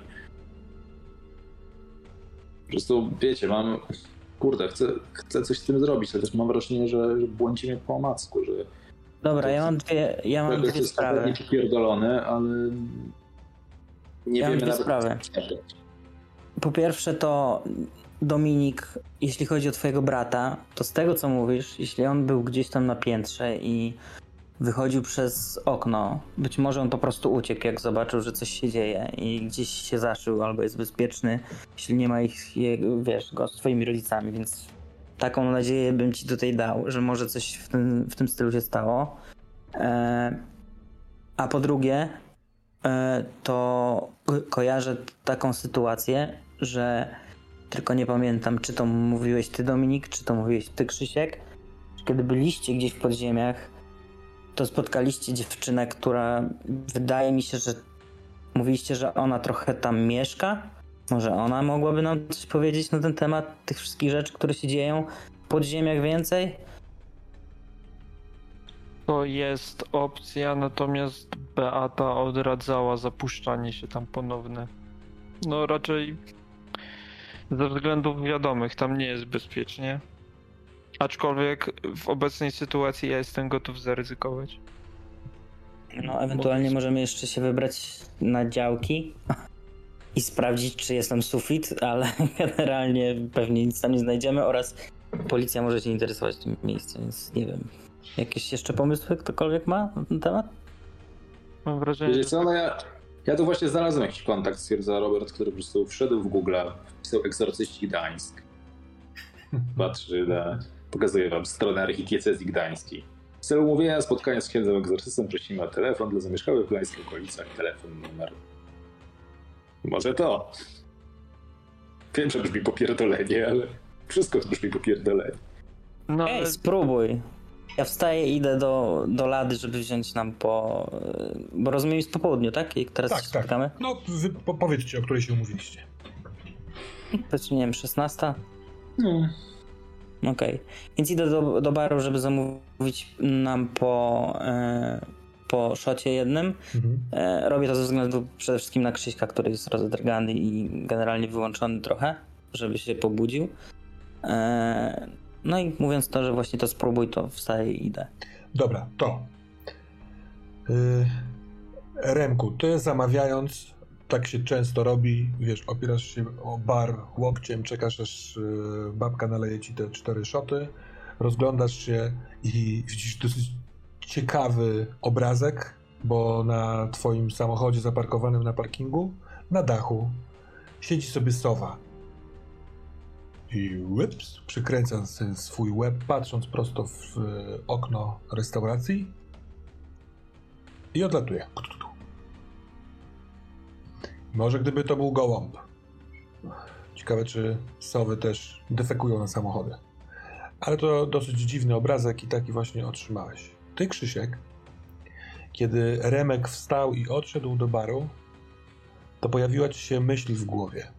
Ja tą ci myśl zaimplementuję w związku z twoją komplikacją.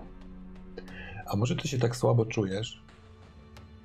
Dlatego, ponieważ brakuje ci pewnego paliwa, które może być teraz y, wygodnie sobie mieszkać w kieszeni Remka i akurat Remek robi taki, y, taki wykrot, taką, otwiera furtkę, że odszedł do baru i możesz przez chwilkę z nim być tam, tam sam na sam, żeby ewentualnie... Co prawda powiedział ci chyba przedwczoraj, że ostatni raz ci coś daje, no ale to jest w końcu dealer, więc kurwa, może od niego coś kupisz, może ci się rozjaśni.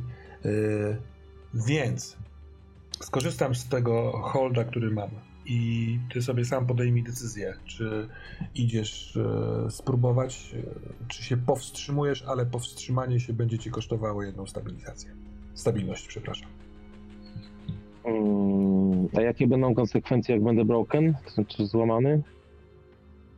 Mm, To i tak masz ruch.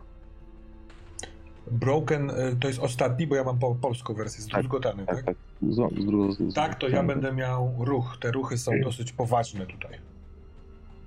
Tego typu y, mogę odpalić ci komplikacje, mogę roztrzaskać iluzję, mogę przenieść cię w czasie, mogę y, dać ci nową komplikację. Y, Brzmi fajnie. Krzysiek się stara powstrzymać. dobra, dobra. To nie, nie tam, że w natychmiastowy sposób ci teraz to Mhm. dam, tylko w odpowiednim momencie, a ty się Okej. powstrzymuj z wszystkich sił, bo przecież chcesz mieć jasność umysłu, ale zaznacz sobie stabilność w dół. Yy, Domi- mm, tak, Dominiku, mam do ciebie pytanie. Nie, no bo przecież przełożyłeś po prostu kartę SIM. Dzwoni twój telefon, Dominik. A ty, Robert, będziesz dzwonił do tego, na ten numer do księdza? Znaczy miałem pewne wątpliwości, ale w momencie, w którym Remi tak rzucił, jak gdyby nigdy nic, no to próbujmy i został i odszedł, to tak spojrzałem po wszystkich, po czym wziąłem i wykręciłem ten numer. Tak, tak jak siedziałem przy stole, nawet nie, jakby nie odchodzę. Mhm. Dobra. Dominik, dzwoni numer nieznany. Podejrzewam, kto może dzwonić, ale w tym momencie i tak po prostu wychodzę na zewnątrz może, żeby nie, nie przy stole nie rozmawiać, Mhm. tylko na, na świeżym powietrzu i odbieram. To y, jak odbierasz, to y, jedna bardzo przyjemna, fajna myśl, bo ta strzelnica jest już właściwie w lesie. Pachnie przecudnie jesienią, ciepłem, wilgocią unoszącą się z tych, wiesz, zachlapanym deszczem przez ostatnie tygodnie y, ulic. A po drugiej stronie jest pan policjant, którym, z którym miałeś okazję rozmawiać, który mówi, no panie Pazur, y, dzwonię w taki dzień, no bo taką mam pracę oraz doszły nam nowe y, materiały. Nie stawił się pan wczoraj u nas na spotkanie. Podejrzewam, że coś ważnego pana odciągnęło i chciałbym spytać, czy chciałby pan odwiedzić mnie dzisiaj na komisariacie albo ewentualnie jutro i porozmawiać o nieruchomości, która jest na działkach, na ogrodach działkowych w Oliwie. Wie pan co? E, porozmawiać mogę, natomiast e, akurat może mi pan wierzyć bądź nie, ale rzeczywiście e, dość poważny problem mnie powstrzymał przed, przed przybyciem. No. Mianowicie moja rodzina jest zaginiona. Przekazuję te informacje, bo może A zgło- chcecie też to poszukać? Właśnie pan to zgłasza policji, czy zgłosił pan to wcześniej policji? Nie, nie zgłaszałem. Nie miałem trochę do tego głowy, przyznam szczerze. Panie Pazur, niech pan spróbuje spojrzeć na to z mojej perspektywy. Mieszkanie, w którym, które, w którym pan mieszka, zostało. doszło do jakiegoś dziwnego napadu. Pański pobity przyjaciel nie jest w najlepszym stanie. Powiedział nam o tym, że za pomocą pewnego, pewnych ruchów w papierach pozyskaliście e, e, ogród, w sensie domek działkowy. Nie jest zapisany na was, ale ja o tym wiem od Czarka, od pana Cezarego. I no, strzelam, że wie pan, co się wydarzyło tam przedwczoraj. I w obliczu tych wszystkich wydarzeń, pan mówi jeszcze o zaginionej rodzinie, jest pan bardzo intrygującą osobą. I ja nalegam na spotkanie.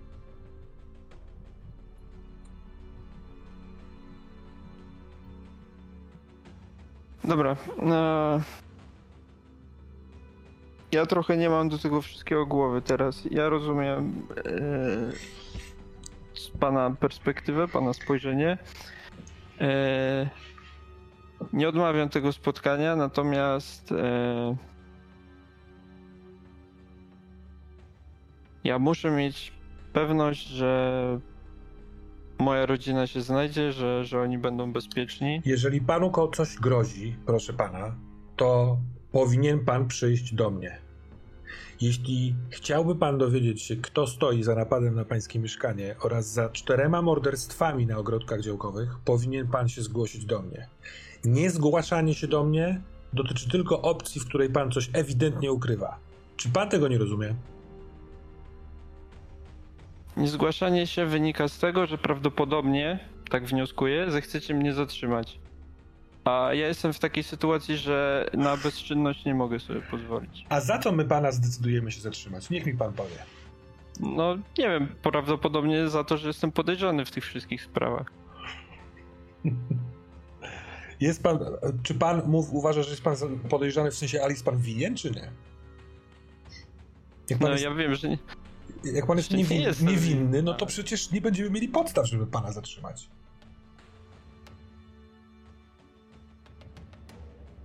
może i tak. Ja dzisiaj, ja dzisiaj do 19 jestem na komisariacie na Białej. E, moje nazwisko Czaja. Niech pan e, przyjedzie, zadzwoni na ten numer, bo dzwonię ze swojego numeru.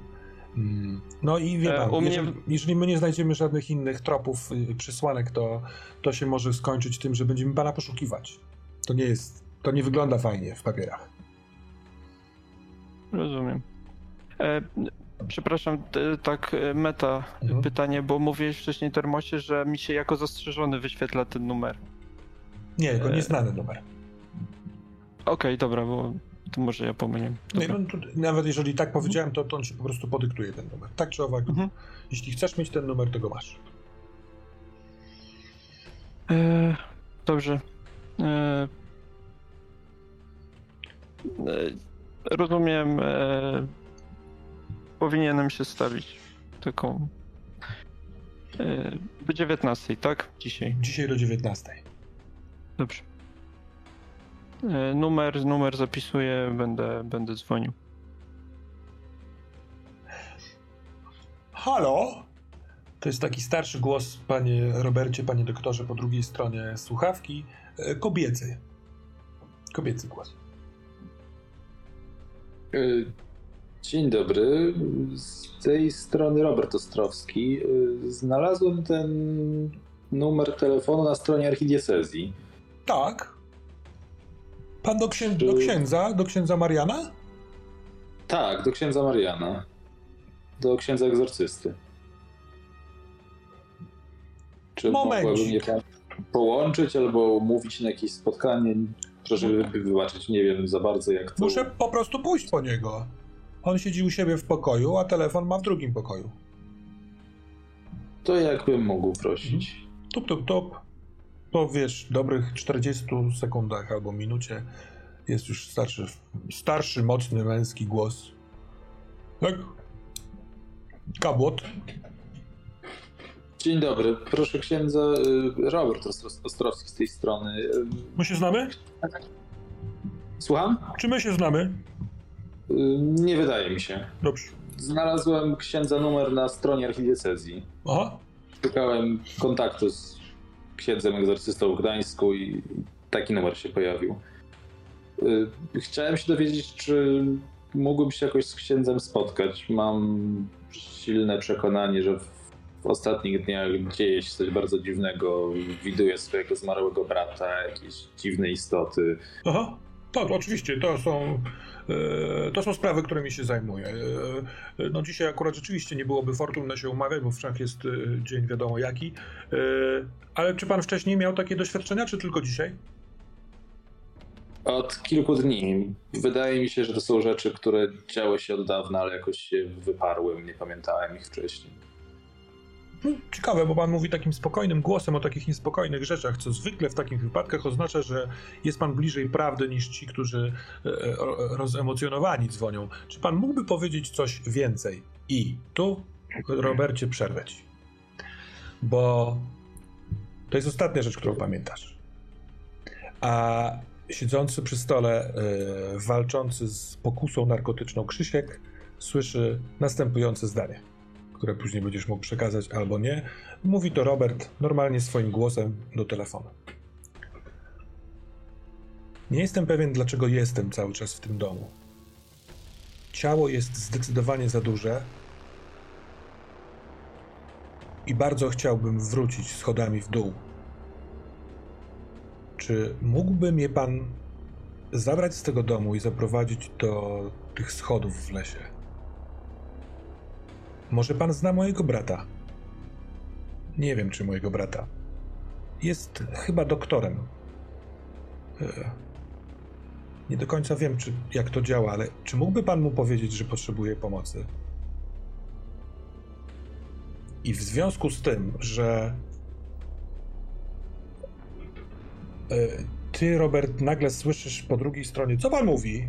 Co pan mówi, to wbijacie to i słyszysz te jego zaczepne takie, co pan mówi, a ty, Krzysiek, widzisz po Robercie, że on e, przerywa ten tok i co robi dalej. Ty, Robert, e, zawisłeś jakby w chwilkę w czasoprzestrzeni i ten ksiądz po drugiej stronie, jeżeli to są jakieś żarty, proszę pana, e, z kościoła, teraz wszyscy próbują robić żarty z kościoła, to sobie wypraszam, proszę pana. Niech pan zadzwoni, jak pan wytrzeźwieje. I się rozłącza. Możemy zrobić tak, że w tym czasie, Remek, ty otrzymałeś wódki. Yy, to oczywiście trwało trochę krócej. Jeśli chcesz, możesz być już po części przy stole, kiedy to trwa, w trakcie tej rozmowy, chyba że miałeś coś innego do zrobienia. A Dominik, po swojej rozmowie, jeżeli chcesz wrócić do stołu, to też spotykacie się na nowo.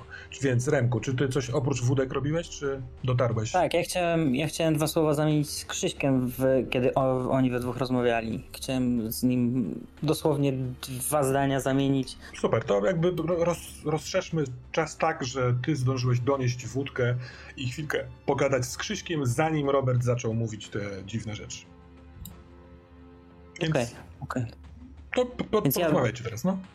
Ja podchodząc stawiam e, te cztery kieliszki e, po czterech stronach stołu e, przy miejscach poszczególnych chłopaków i zwracam się do Krzyśka, bo widzę, że Dominik gdzieś odszedł. Doktor rozmawia, zaczyna dzwonić. Ja mówię do Krzyśka, jak twarz? Będziesz Krzysiek, coś z tym robił, czy... Krzysiek w ogóle tak naprawdę w ogóle nie pamiętał tej twarzy. On jest taki... Jeszcze raz się dotyka. Teraz ma opatrunek na twarzy. Yy, wiesz co, nie wiem, no... Doktor mnie tu opatrzył. Chyba, chyba będzie dobrze. Chyba będzie dobrze. I tak patrzy na, na, ten, na ten kielonek tej, tej, tej wódki i właściwie ręka tak bezwiednie wyciąga się i od razu wypija, w ogóle nie patrząc, nie czekając na resztę. Mhm. I okay. tak troszeczkę czuję taki delikatne, delikatne, bardzo delikatne rozluźnienie. Okej, okay, jak coś, to wiesz, ja tam załagodziłem te sprawy z Maxem, nie ma nikt do ciebie żalu ani nic, wiesz, z dziadzią też rozmawiałem, jakby coś się Dzięki, działo, to wal. Wiesz, wiesz, wiesz, że ja wiesz, że ja tych dragów nie ukradłem, to była jakaś... Ja wiem, no. ja wiem, dlatego mówię, że to wszystko wyprostowałem, że jesteś na czysto, wiesz, wiesz więc nikt dzięki, tam nie podejrzewa cię o, o to, że zajebałeś coś czy coś. Natomiast, no wiesz, te dragi, które bierzesz, to jest problem. Niektóre, nie te, które ja, miałbyś ukraść, tylko te, które wciągasz. Ja, ja chyba, ja się staram rzucić za, za dużo, wiesz, za dużo widziałem. Ja to, to było fajne do pewnego momentu, ale, ale to wszystko wraca. To jest, to jest, ja, ja nawet nie jestem pewien, czy teraz to nie jest koszmar, czy ja nie śpię, czy masz jakieś dragi przy sobie, wiem, że masz. Weź się gdzieś schowaj, weź się gdzieś schowaj, proszę. Dobra, ja mu podsuwam swój kieliszek. W tym momencie i mówię, nie dam ci dzięki. nic, nawet gdybyś prosił. Dzięki, dzięki, dzięki. A dzisiaj nie pracuję, więc nie mam nic ze sobą. No i biorę ten kieliszek jeszcze, jeszcze też łykam od razu. Dobra. To w takim razie, y, Dominiku, czy ty po rozmowie z panem Czają y, wróciłeś, czy chciałeś zrobić coś innego?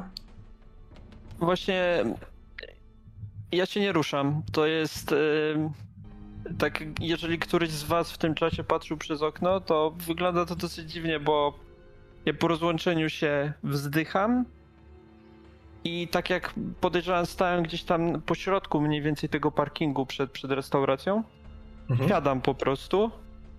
Lekko tak podkurczam nogi, opieram sobie ręce o kolana i zrezygnowany patrzę przed siebie trochę, trochę w niebo, próbując gdzieś jakoś myśli poskładać.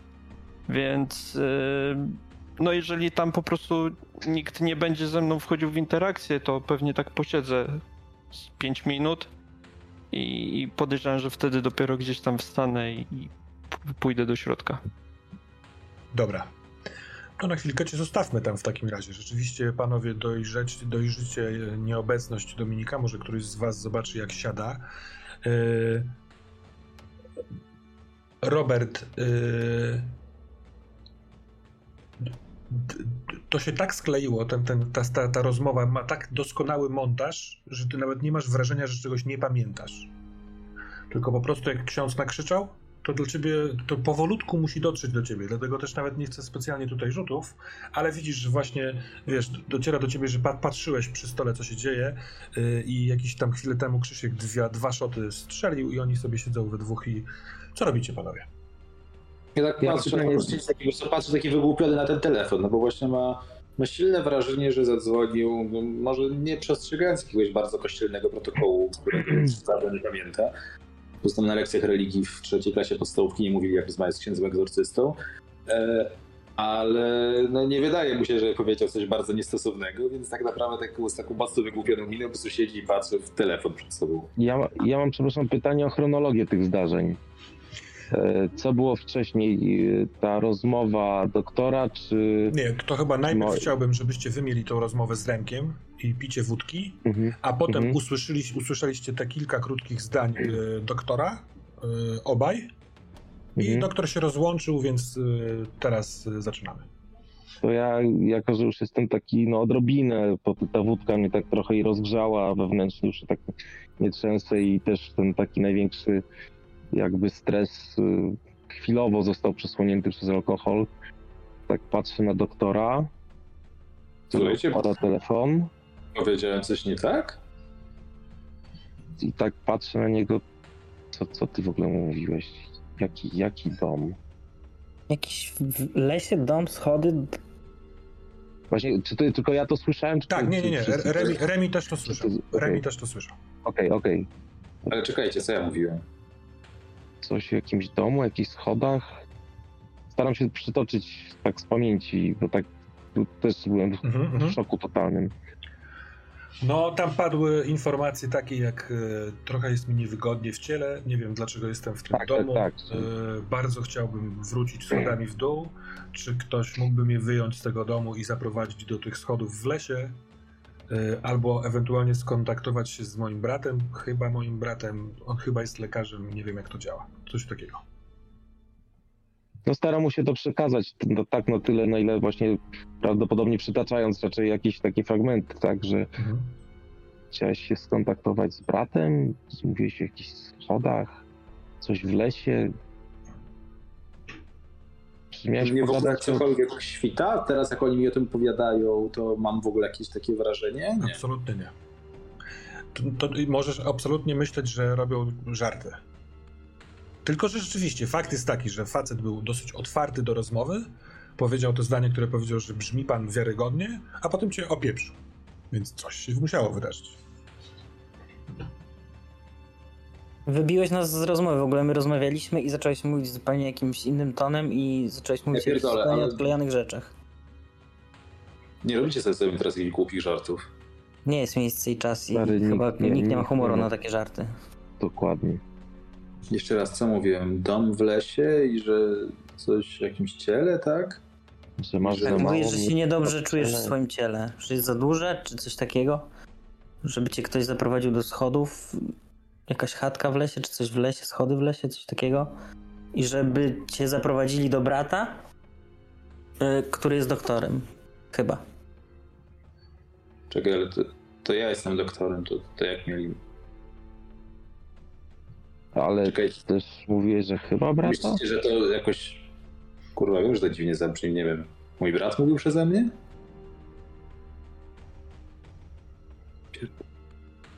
Może. Słuchajcie, też jest popierdolone. Jak dzisiaj, jak dzisiaj byłem na jego grobie, na jego grobie w którymś momencie usiadła sowa. Widzieliście, kurwa, sowy w biały dzień w Gdańsku?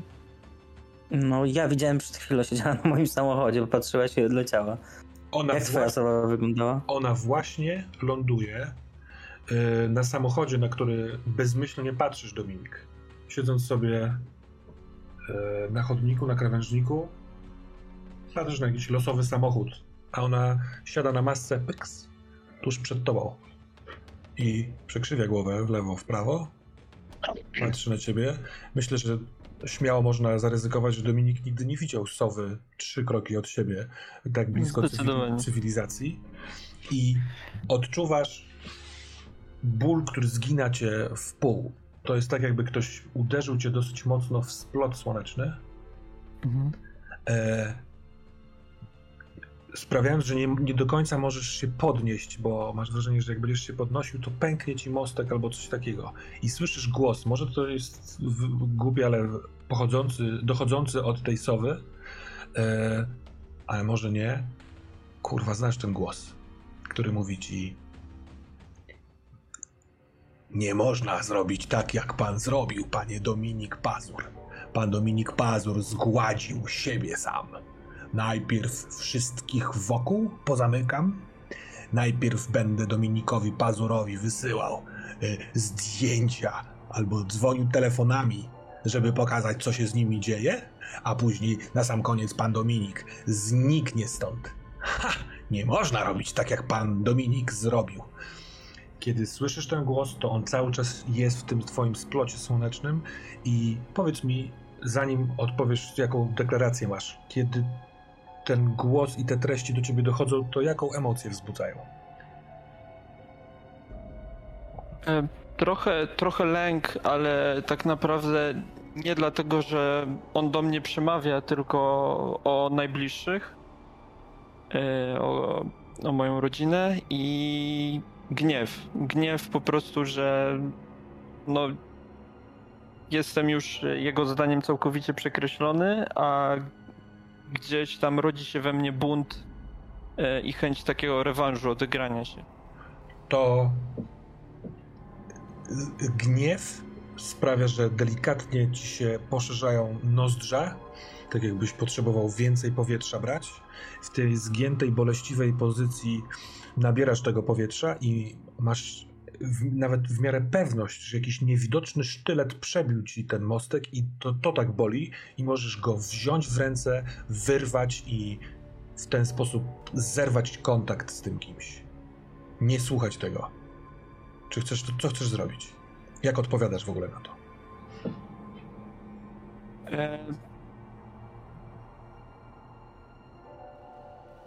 Myślę, że e, chwytam, e, wypowiadając słowa, ch- chcę chwycić za rękojeść tego sztyletu, tak właśnie e, gdzieś metaforycznego e, i mówię przekreśliłeś mnie znowu się do mnie odzywasz ale wiedz, że ja nie odpuszczam i też napsuję ci krwi. Y, I chcę wyciągnąć z siebie ten sztylet Mhm. i rzucić w kierunku tej sowy. Dobra. Jak chwytasz, to wiesz, że coś masz. To jest e, ciepłe, to jest okrągłe, takie gładkie. Kiedy otwierasz oczy, to, to tego w ogóle nie widać. Przepraszam. Mhm. I kiedy wyciągasz, to masz wrażenie, że coś z siebie, wy, jakby wiesz, no tak jakbyś miał tam coś wbitego. To bardzo, bardzo boli. To czujesz, jak e, wiesz, o, o, o tkankę, o skórę, o kości sunie, ale wyciągasz to. I wyciągnięcie tego sprawiło, że ten głos urwał się, albo nawet wydał dźwięk zadziwienia. To jest takie mm, przysłuchanie się albo przyjrzenie temu, co robisz. Część tego jest w środku, jeszcze w tobie. to też jest pewność, jakaś drzazga, ale część masz w ręku i rzucasz w sowę. Sowa odlatuje, oczywiście unikając y, niewidocznego pocisku, ale ty masz jeszcze jedną świadomość y, całego tego wydarzenia. To jest poniekąd związane z tym twoim y, rodzącym się atutem związane. To nie sowa do ciebie mówiła. Sowa tylko patrzyła. Ten głos pochodził skąd inąd. I on teraz jakby e, kończy się kontakt przez to, że ty to wyrwałeś. Zadziwiona y, cisza po drugiej stronie, tak jakby. Więc czy ty chcesz coś jeszcze powiedzieć, czy e, co chcesz zrobić? Ten gniew dał na tyle siły, że ten ból y, powoli mija. Możesz normalnie wstać. y, Co chciałbyś zrobić? Mhm. E, w takim razie ja właśnie powoli się podnoszę. E, I właśnie mówię, że wiem, że nadal będę cię słyszał,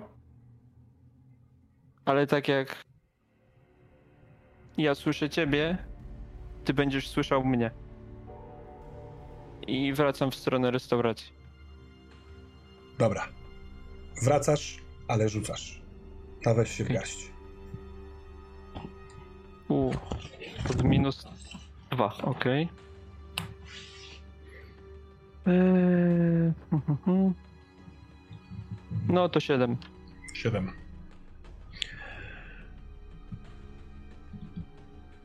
Dobra. To w takim wypadku, z tego co rozumiem, ty też spadasz na ostatnie piętro stabilności. Tak jest. Dobrze. To będę wykonywał ruch przeciwko tobie. Krzyśku, cały czas pamiętam o twoim ruchu. E, wiem, że na niego czekasz. Dobra. Mamy taką sytuację. E, ewidentnie doktor Robert w waszych oczach, Remi i Krzysiek, e, wypowiedział zdania, teraz jakby sam dopytując o co chodzi, których nie do końca był świadom.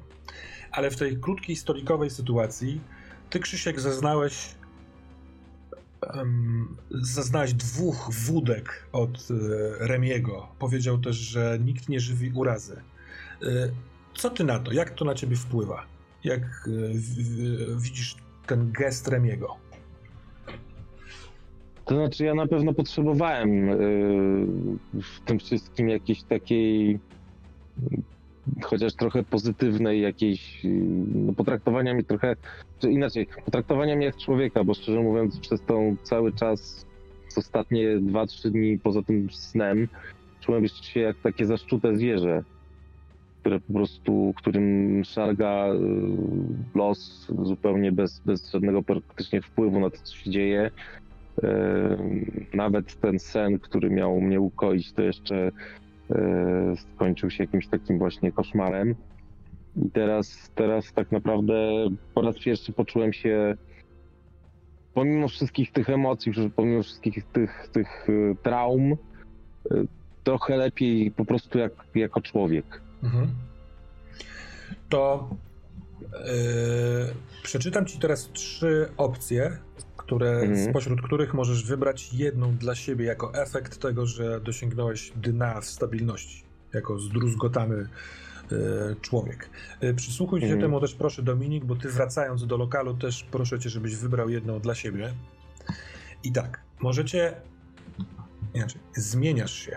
Zamień ze sobą wartości dwóch różnych atrybutów i podnieść stabilność do poziomu zatrwożony. Wiem, Krzysiek, że ty masz Mhm. angielską y, y, wersję. To Ja jest mam angielską. pierwszy poziom tego, tego krytycznego stresu. Czyli, Czyli tak jakby tak podniósłbyś się raz, dwa, trzy w górę. Trzy w górę, aha. Czyli zamieniam dwa. y, Dwie wartości y, tych. Jejku. ale z tych, y, bo to są, są, no właśnie, bo to są, czekaj, z których, y, są te trzy podstawowe i, i te, te, te, Gdzie to jest? Już, już, już, bo ja się trochę pogubiłem w kartach otwartych. no bo jest forty, znaczy tak, Tak, tak, siła tak, woli. re- Aktywne i pasywne. E, Jako, A, że nie nie, jest wskaza wskazane, to po prostu możesz zmienić którekolwiek z którymkolwiek. Tylko fajnie, gdyby ta zmiana e, jakby odbijała się tak jakby od tej Mhm. rozmowy, od tego momentu, od tego, co tu się, te, się dzieje, no nie? Mhm. No dobrze, ale Dobra, to, to jest pierwsza opcja. Mhm. Druga opcja. Twoje życie radykalnie zmienia kierunek. Wybierz nowy archetyp i podnieś stabilność do poziomu znerwicowany. Znerwicowany z kolei to jest o jeszcze jedno wyżej, ponad pierwszą, ponad kreskę krytycznego stresu. Mhm. Natomiast, no, jako że macie właśnie świeżo wybrane archetypy, nie wiem, czy ktoś z was to wybierze, ale taka jest opcja. A no trzecia właśnie opcja, Tak że... Mhm. No, a trzecia opcja to dostrzegasz okruch prawdy, prawdy pisanej z dużej litery. Otrzymujesz plus jeden punkt doświadczenia, a twoja stabilność podnosi się do poziomu irracjonalny. Irracjonalny to jest o dwa w górę. Tak, wi- widzę, akurat mam po, po angielsku jest irrational. Irracjonalny. Czyli, no oczywiście razem z tym okruchem prawdy też pojawi się jakaś informacja i to chyba wydaje się być najbardziej sexy, chociaż najmniej wam podnosi stabilność, ale może będziecie chcieli zmienić atrybuty. Więc pomyślcie chwilkę, to nie musi się wydarzyć, wydać, Mhm. wydarzyć teraz dokładnie w tym momencie, Mhm, tylko mhm. w toku sceny dalej, więc proponuję, żebyśmy polecieli ze sceną dalej. Okej. Hmm? Dominik, jakiś komentarz, czy po prostu też wracasz do lokalu po tym, co się wydarzyło? Tak, ja po, po tym, co się wydarzyło, właśnie takim e, wolnym krokiem wracam do lokalu. Jeszcze może na odchodne, tak. E, tam jest chyba jakieś zadaszenie, tak? Przy wejściu, jeżeli Mhm. dobrze kojarzę.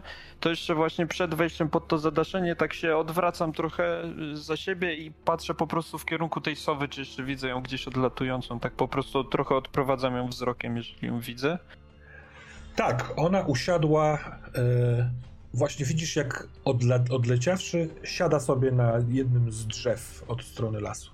Tak jakby nie do końca chciała stąd odlecieć. Mhm. To przez chwilę ją tak obserwuję. Podejrzewam, że ona się przygląda mnie albo ogólnie tej restauracji, więc Tak. ja się przyglądam także jej. Trochę taki, może nie do końca pojedynek na spojrzenie, ale gdzieś właśnie na taką cierpliwość i, i po chwili, po chwili wchodzę. Dobra.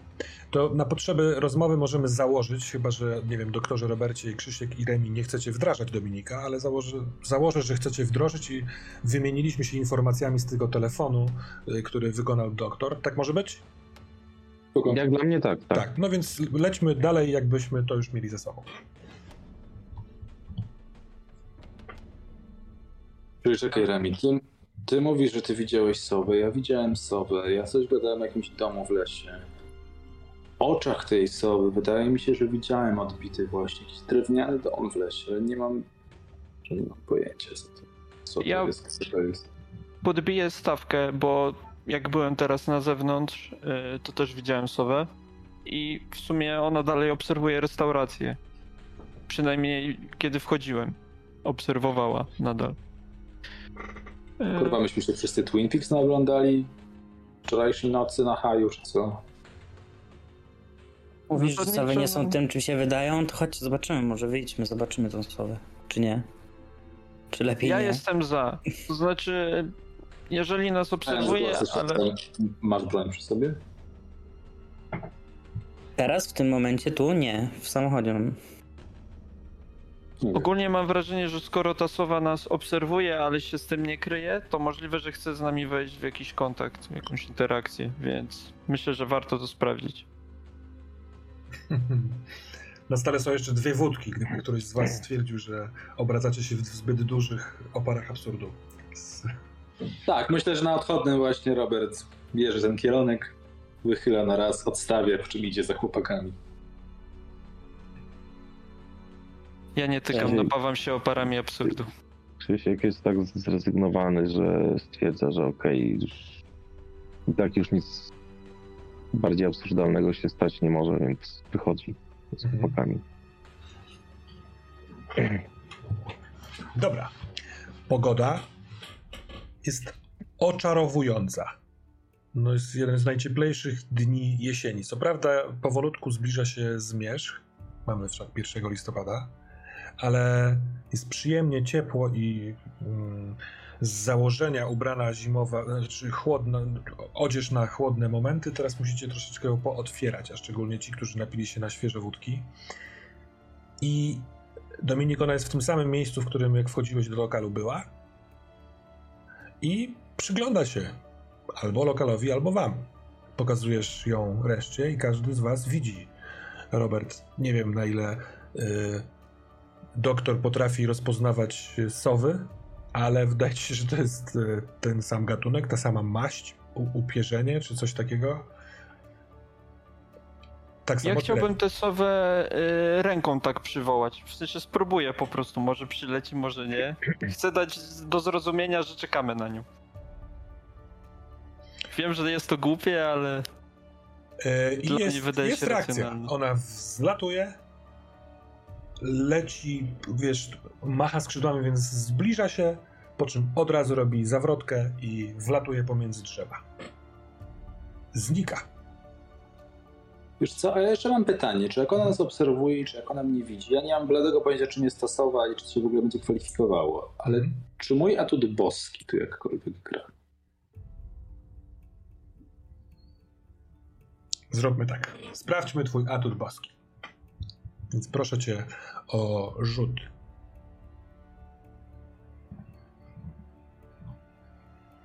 ja jest tylko rzucam w międzyczasie, że nie dość, y, że natarczywa, to jeszcze w dodatku y, złośliwa. No więc wyrzuciłem 18, dwie dziewiątki. No jeszcze masz plus duszę. To możesz, Dużo mam 0, więc wyrzuciłem 18. to możesz wybrać yy, trzykrotność tych dwóch możliwości. No ona agresywna nie jest, więc uspokajać...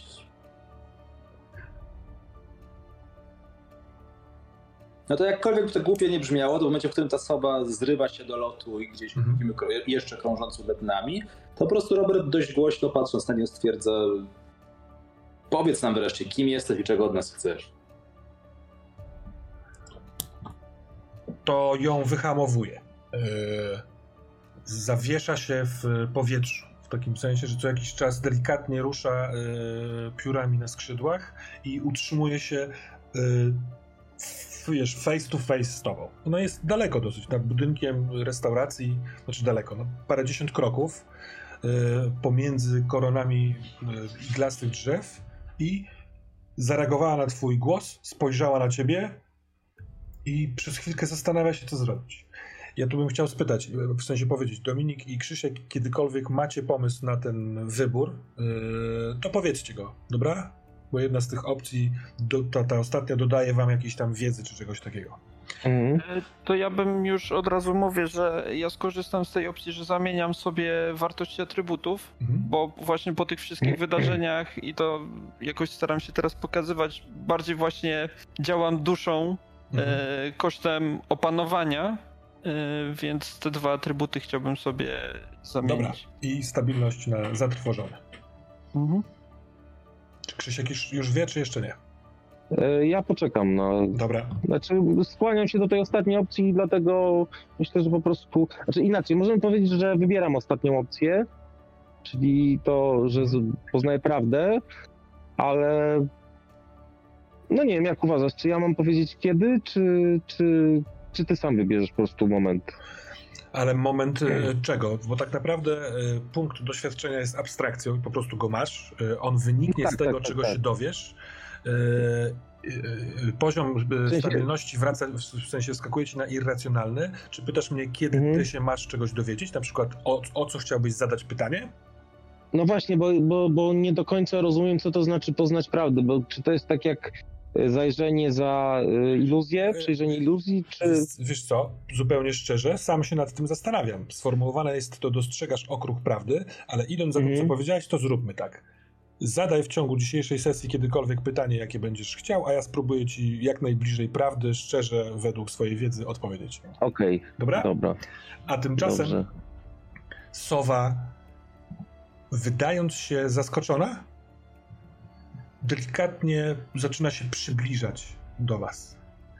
I jest w tym, mm, e, e, przez to, że robi to wolno, to jest, ma się, macie wrażenie, że robi to trochę wbrew sobie, bo przede wszystkim tu są samochody, tu są ludzie, a to jest kurwa dziki ptak. Poza tym ewidentnie chciała odlecieć, ale teraz s- leci w twoją stronę, doktorze Ostrowski. No ja robię taki jeden albo dwa kroki naprzód, w takim znaczeniu, że jakby wysuwam się naprzód naszej grupy w stronę sowy I czekam. Trochę też to zdanie myślę, że było wypowiedziane trochę już z frustracji, trochę z chęci dowiedzenia się czegoś i Mhm. myślę, że nawet jakby sam Robert jest nieco zaskoczony reakcją. Chwilowo jeszcze nawet nie odpowiedział, no ale jakby reakcją. Więc jakby wysunąłem się naprzód grupy i czekam, co się stanie. Jakby patrzę na nią, patrzę jej, jej w oczy.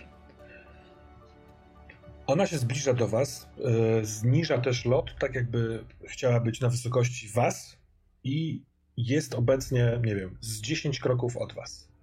Cały czas w takiej pozycji lekko pionowe, ten, ten tułów, roz, e, rozszerzone skrzydła, którymi delikatnie drga, żeby utrzymywać się w powietrzu i, i patrzy w waszą stronę.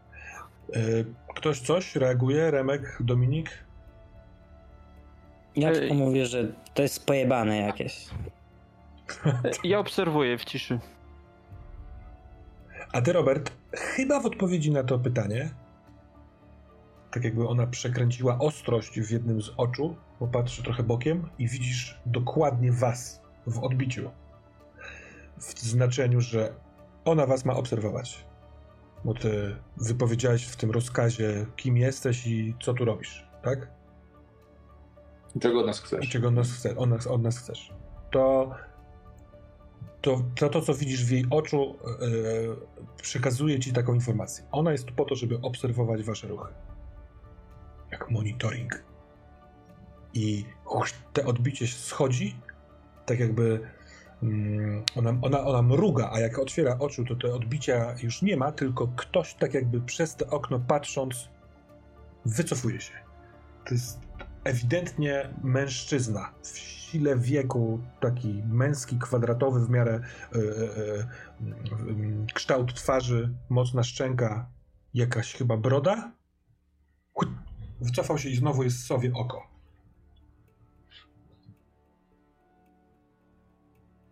Zaprowadź mnie do mojego brata. Zaprowadź mnie do niego. Mówię jakby taką trochę drżącą ręką. Wyciągam ten telefon komórkowy ze zdjęciem od Karoliny.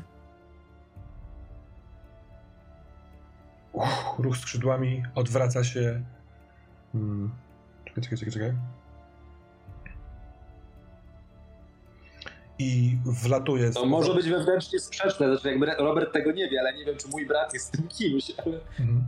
E, Wlatuje tam, tam, gdzie wcześniej chciała wlecieć, w stronę drzew, ale w związku z tym, że najpierw mocno uderzyła skrzydłami, to bardzo szybko się e, poleciała. Zobaczyła, że odwróciła się w waszą stronę. Kurwa, jesteście pewni, że dzieją się tam dokładnie takie procesy myślowe, że ona musi dopasować prędkość do was, żeby was nie zgubić, żeby wykonać ten rozkaz, więc czeka na was, ruszając delikatnie skrzydłami, ewidentnie pokaz pokazawszy kierunek, w którym na należy w waszym przypadku Idę za mną.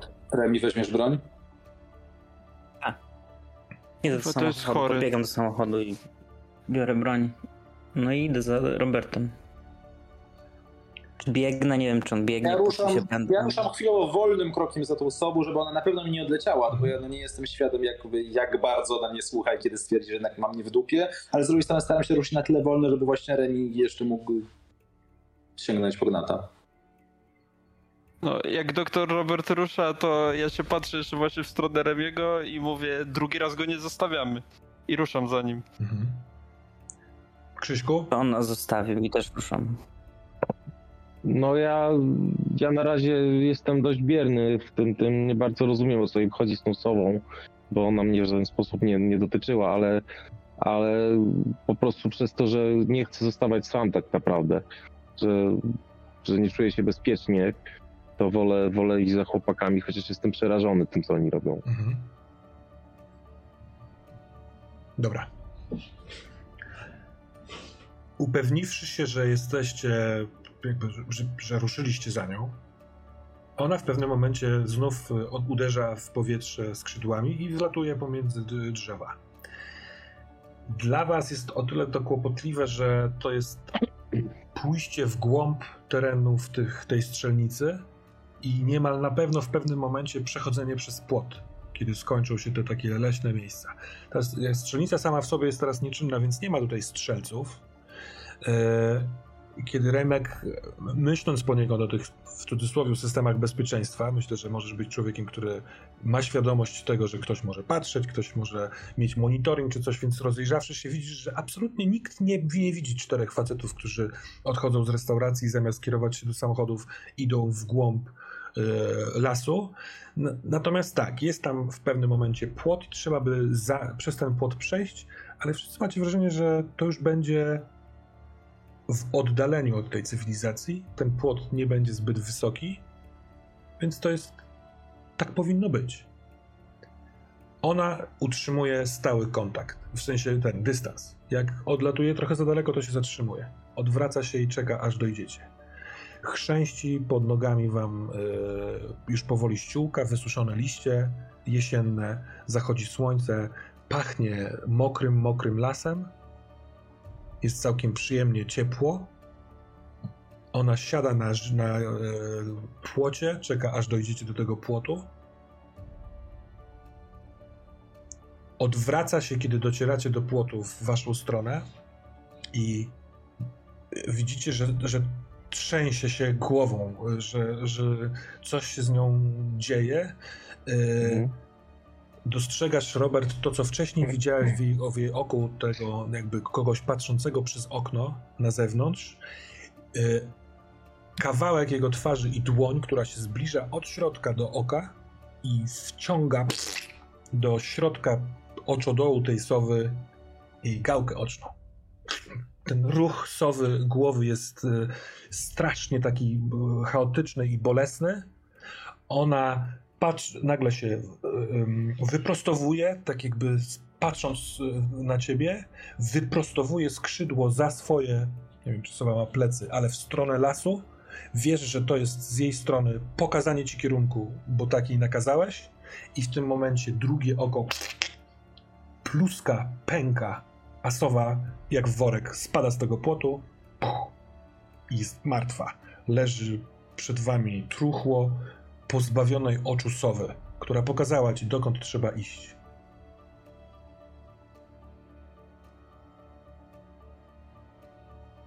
Co robicie? My wszyscy widzieliśmy tę sytuację? E, jedynie Robert widział, e, wnę że z wnętrza oczu tego oka sowy pojawia się jakiś e, mężczyzna. I Robert, to nie był twój brat to, to, ta, ta, ta twarz, ten zarys twarzy, nie wiem, czy byś go rozpoznał, wiesz, na ulicy tego kogoś, ale ewidentnie coś innego było w kształcie, wiesz, nie wiem, w jakiejś yy, sylwetce tej twarzy. Do tego mężczyzny nikt z was pozostałych nie widział. To tylko wobec Roberta Sowa się pokłoniła. Ktoś sterował tą cholerną sową. Jakiś mężczyzna. Nie wiem kto, ale. Ona wskazała mi kierunek do brata, muszę tam iść. Ale.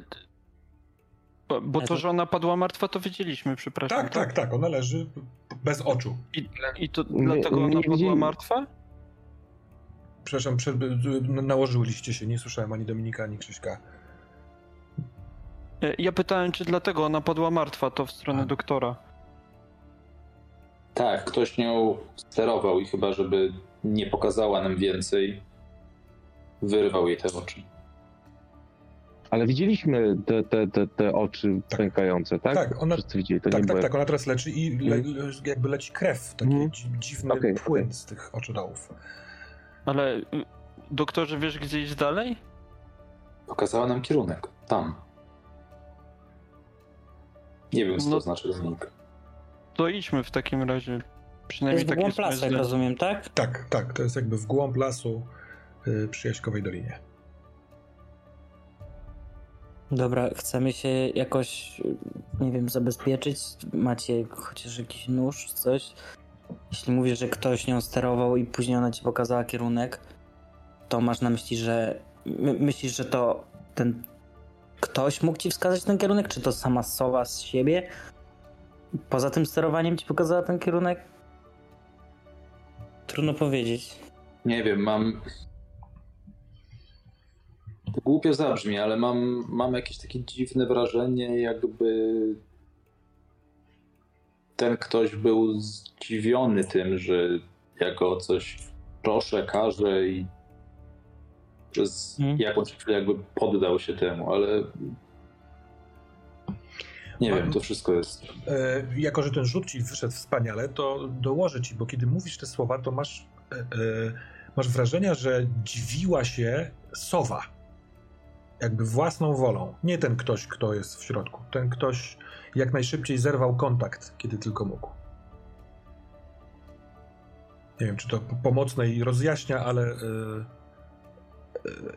ten ktoś w, oczu, w oku sowy nie miał jakichkolwiek wątpliwości i wahań. To nie jemu wydałeś ten rozkaz. A, okej. Co idziemy?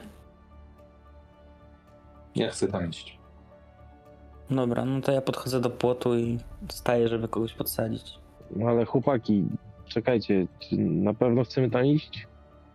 Przecież chcemy znowu się władować w ten syf? Krzysiek, Krzysiek, ale szuka brata, ja szukam rodziny. a ty z tego co mówisz, wystarczy się położysz spać i jesteś w jakichś popierdolonych więzieniach. No to jak chcesz do tego uciec? No jestem, no ale Nie będziesz teraz spał przez najbliższe 20 lat? A ja to No, muszę poznać prawdę i o co w tym całym głównie chodzi, bo No dobra, no. Nie wiem, nie wiem, po prostu, wiesz, sowa lata. Nagle.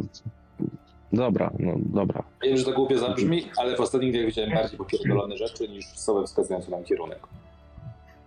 Czy z delikatnością Nie, nie, no, podchodzę, okej, podchodzę okej, do niego, okej. jakby stawiam mu nogę na tym, jak miał ręce, No, pewnie tak złożone do podsadzenia. Tylko mnie tam nie zostawcie, żebym ja znowu nie wyglądał sam w jakichś, jakichś kanałach, dobra? nie zostawimy cię, nie peniej. Bo jeśli teraz się decydujemy iść razem, to mamy razem wrócić. Ewentualnie z czyimś bratem. Albo inną rodziną. Dobra, idziemy, szkoda czasu do stracenia. Czyli jak rozumiem, za pomocą y, systemu nóżek, podsadzeń i tak dalej, przetarabaniacie się na, drugi, na drugą stronę. Jo. Eee, Kiedy jesteście po drugiej stronie płotu, po stronie lasu, a nie cywilizacji, to może przypadek, ale nie wiem, czy jeszcze wierzycie w przypadki, sprawia, że dokładnie w momencie, kiedy ostatni z was zeskakuje z płotu, do końca horyzontu dociera e, słońce i robi się chłodniej i zaczyna zmierzchać. Las tu w tej części to nie jest bardzo duży, duży las. Po drugiej stronie y, rozpocznie się już morena, ale jest w nim poszum. Nagle wiatr się y, wzmógł. Y, On, on, on jakby was wita tym, tym wiaterkiem. Więc kierunek dla ciebie, Robert, jest w jakiś dziwny sposób bardzo konkretny. Mimo, że stoisz w obliczu wielu sosen, jakiś tam jodeł, jakby taki dziki, nieuczesany ten las tutaj jest, ale tak naprawdę wydaje ci się, że doskonale wiesz, że trzeba iść tędy, tędy i tędy. Mało tego, wiesz, że w pewnym momencie dojdziesz, doj, dojdziecie po drugiej stronie do znowu zabudowań i trzeba będzie iść dalej, bo ta sowa to nie jest jej miejsce, ten las. Ona mieszka w trochę innym, kawałek dalej. I kiedy idzie wasza czwórka pośród tych drzew, lekko chłodnieje atmosfera, ktoś zapina do końca kurtkę. Yy, macie świadomość, ty najbardziej, Robert, że to chwilkę potrwa, bo trzeba będzie iść dalej. Zrobi się ciemno, na szczęście macie telefony komórkowe. Możliwe, Dominik, że do 19 nie zdążysz, ale nie wiem, czy zastanawiasz się teraz nad policjantem, czy też nie. Trochę tak. To dostajesz SMS-a, Remi. Okej. Odczytuję. To jest SMS od Maćka. Treść jest: Olek zostawił dla ciebie list pod drzwiami. I są dwa MMS-y. Na jednym MMS-ie jest naprawdę koperta z napisem y, Remi, a na drugim MMS-ie jest wyciągnięta z tego koperta fotografia. I na tej fotografii jest leżący na jakimś, nie wiem, meblu czy na stołku, na czymś sygnet. Złotawa, cienka obrączka i maleńki taki granatowy e, e, kamień włożony w taką, wiesz, e, złotawą ob, ob, obejmę. I bardzo cię proszę na rzut na wyparte wspomnienia.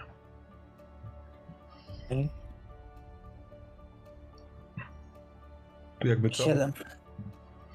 Siedem i na wyparte wspomnienia coś się dodaje? No, odejmuje się raczej ze stabilności, więc nie spodziewam się tutaj. Gorzej już nie będzie. Tak. Tak, ale ja chyba nie odejmuję, bo mam tylko minus jeden wejście w garść, czyli to nie u mnie, Mhm. czyli siedem. Dobra. Ale to i tak nic nie.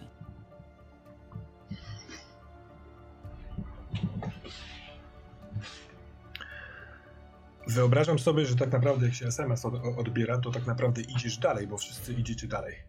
I jak patrzysz na to, przekręcasz następną wiadomość i w momencie, kiedy dostrzegasz ten sygnet, to kolejny twój krok nie staje na ściółce, tylko staje na PCV, na tym e, jebanym linoleum, które się zwykle kleiło, bo za rzadko czyścili.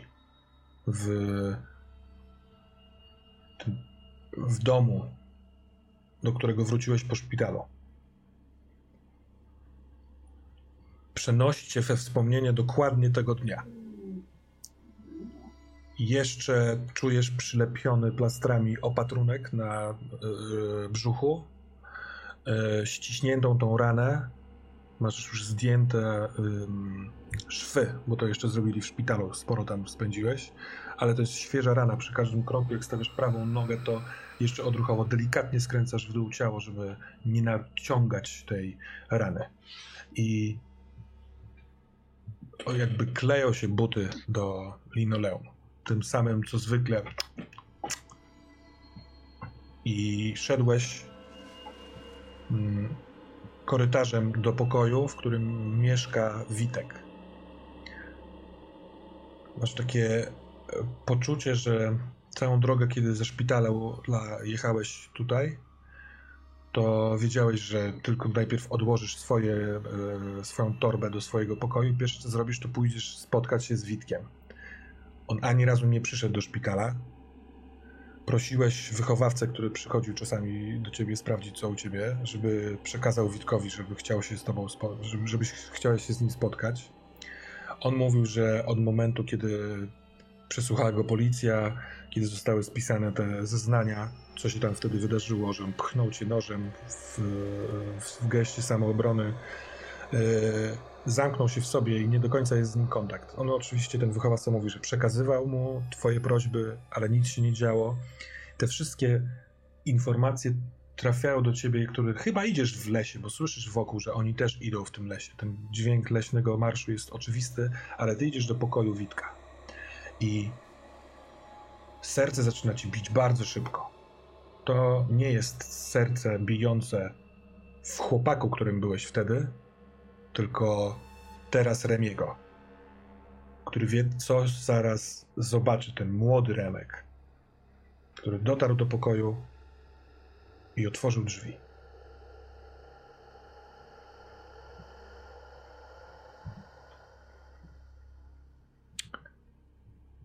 Krzesło leży przewrócone na podłodze na środku. Bardzo stary, żeliwny żrandol wytrzymał ciężar i już bardzo nieruchome, widocznie już dość długo wiszące e, ciało Witka. Na jego palcu lewej ręki jego ten sygnet. Oczywiście Olek się zawsze wyśmiewał z tego sygnetu, a dla Witka, bo wiesz, bo się z nim przyjaźniłeś, to było ważne.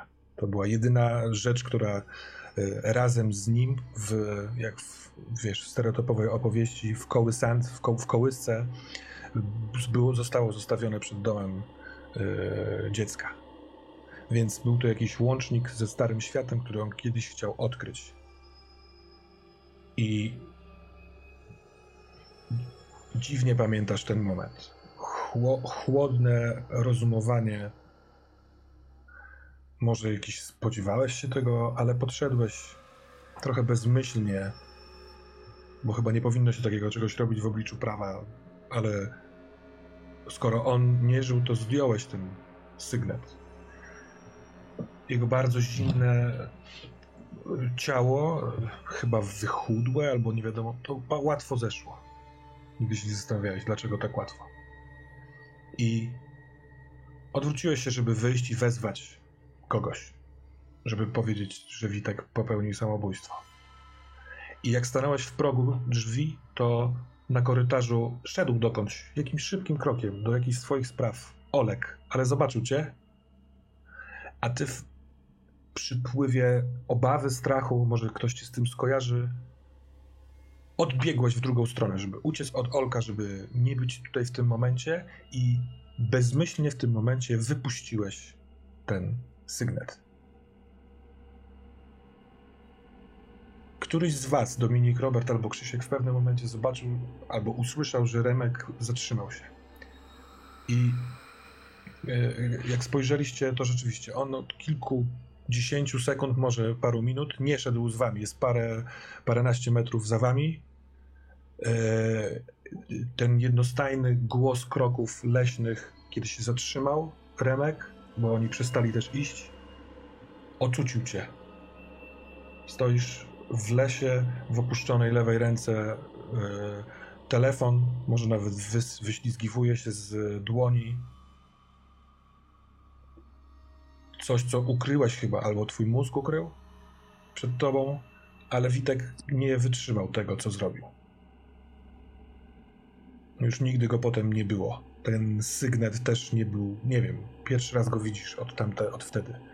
Chyba nie masz go w domu. No chyba nie masz go, bo właśnie Olek przysłał ci jego zdjęcie. Kosztuje cię te wspomnienie dwa punkty stabilności. Remi, wszystko ok? Hej, wszystko w porządku? E, generalnie jak tak stanąłem jak wryty, tym telefonem w jednej ręce, mm, to patrząc tak w ogóle w pustkę, w gdzieś w dal, padam na kolana i kiedy, no i się nie odzywam po prostu. Tak patrzę w pustkę i klęczę. Ja podbiegam do niego. Ja też. Remi. Remi, weź się w garść. Kurwa, my już tu, Krzysiek, ja jesteśmy posypani. No nie możesz też się posypać. Musicie nas trzymać w kupie. Remi.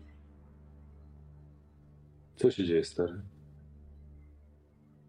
Dostałem. Podaję mu telefon. Po prostu. W sensie doktorowi Robertowi podaję telefon. Widzisz, Robert, y, y, właśnie fotografię, w sensie MMS-y z kopertą do Olka, do Remiego, przepraszam. Y, jest fotografia z sygnetem i na dole mały napis spotkajmy się. I na tym zakończmy sesję. Hmm.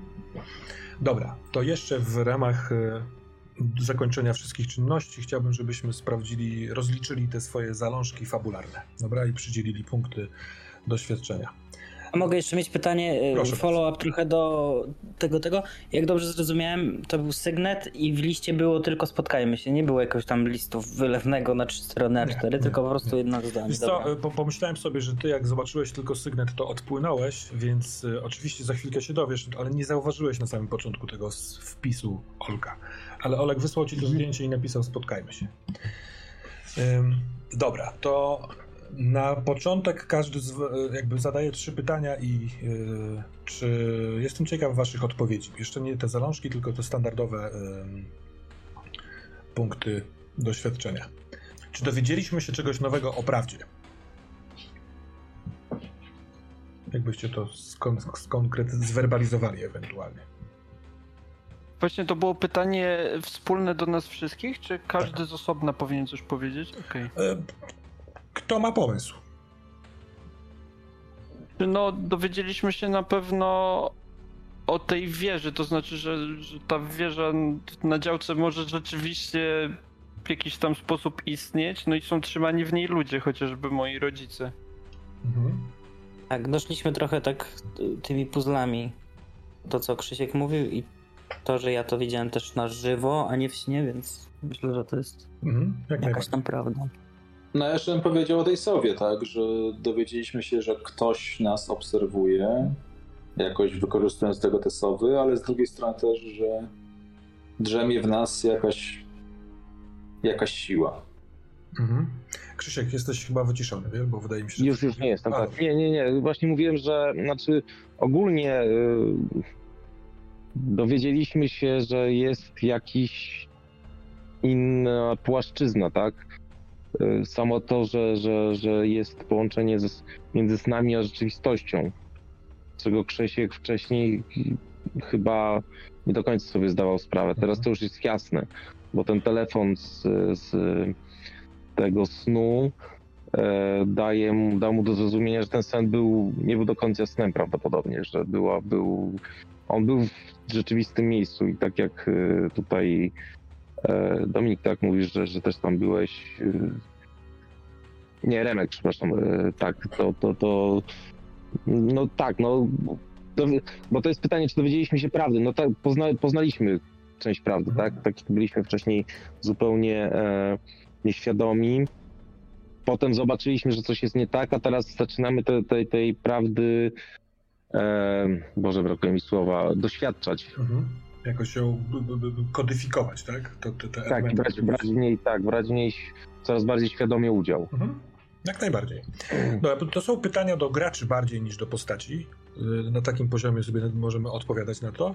I jest tutaj ewidentnie odpowiedź tak, więc za to każdy z Was dostaje jeden punkt. Drugie pytanie y, brzmi, czy dowiedzieliśmy się czegoś nowego o naszych postaciach? I to też ogólne, nie? Do wszystkich, Tak, tak, jako do tak. grupy. Mhm. Znaczy, jeśli ja mogę, to tak, Krzysiek na pewno się dowiedział, że mm, potrzebuje jakiejś takiej wsparcia z zewnątrz, tak?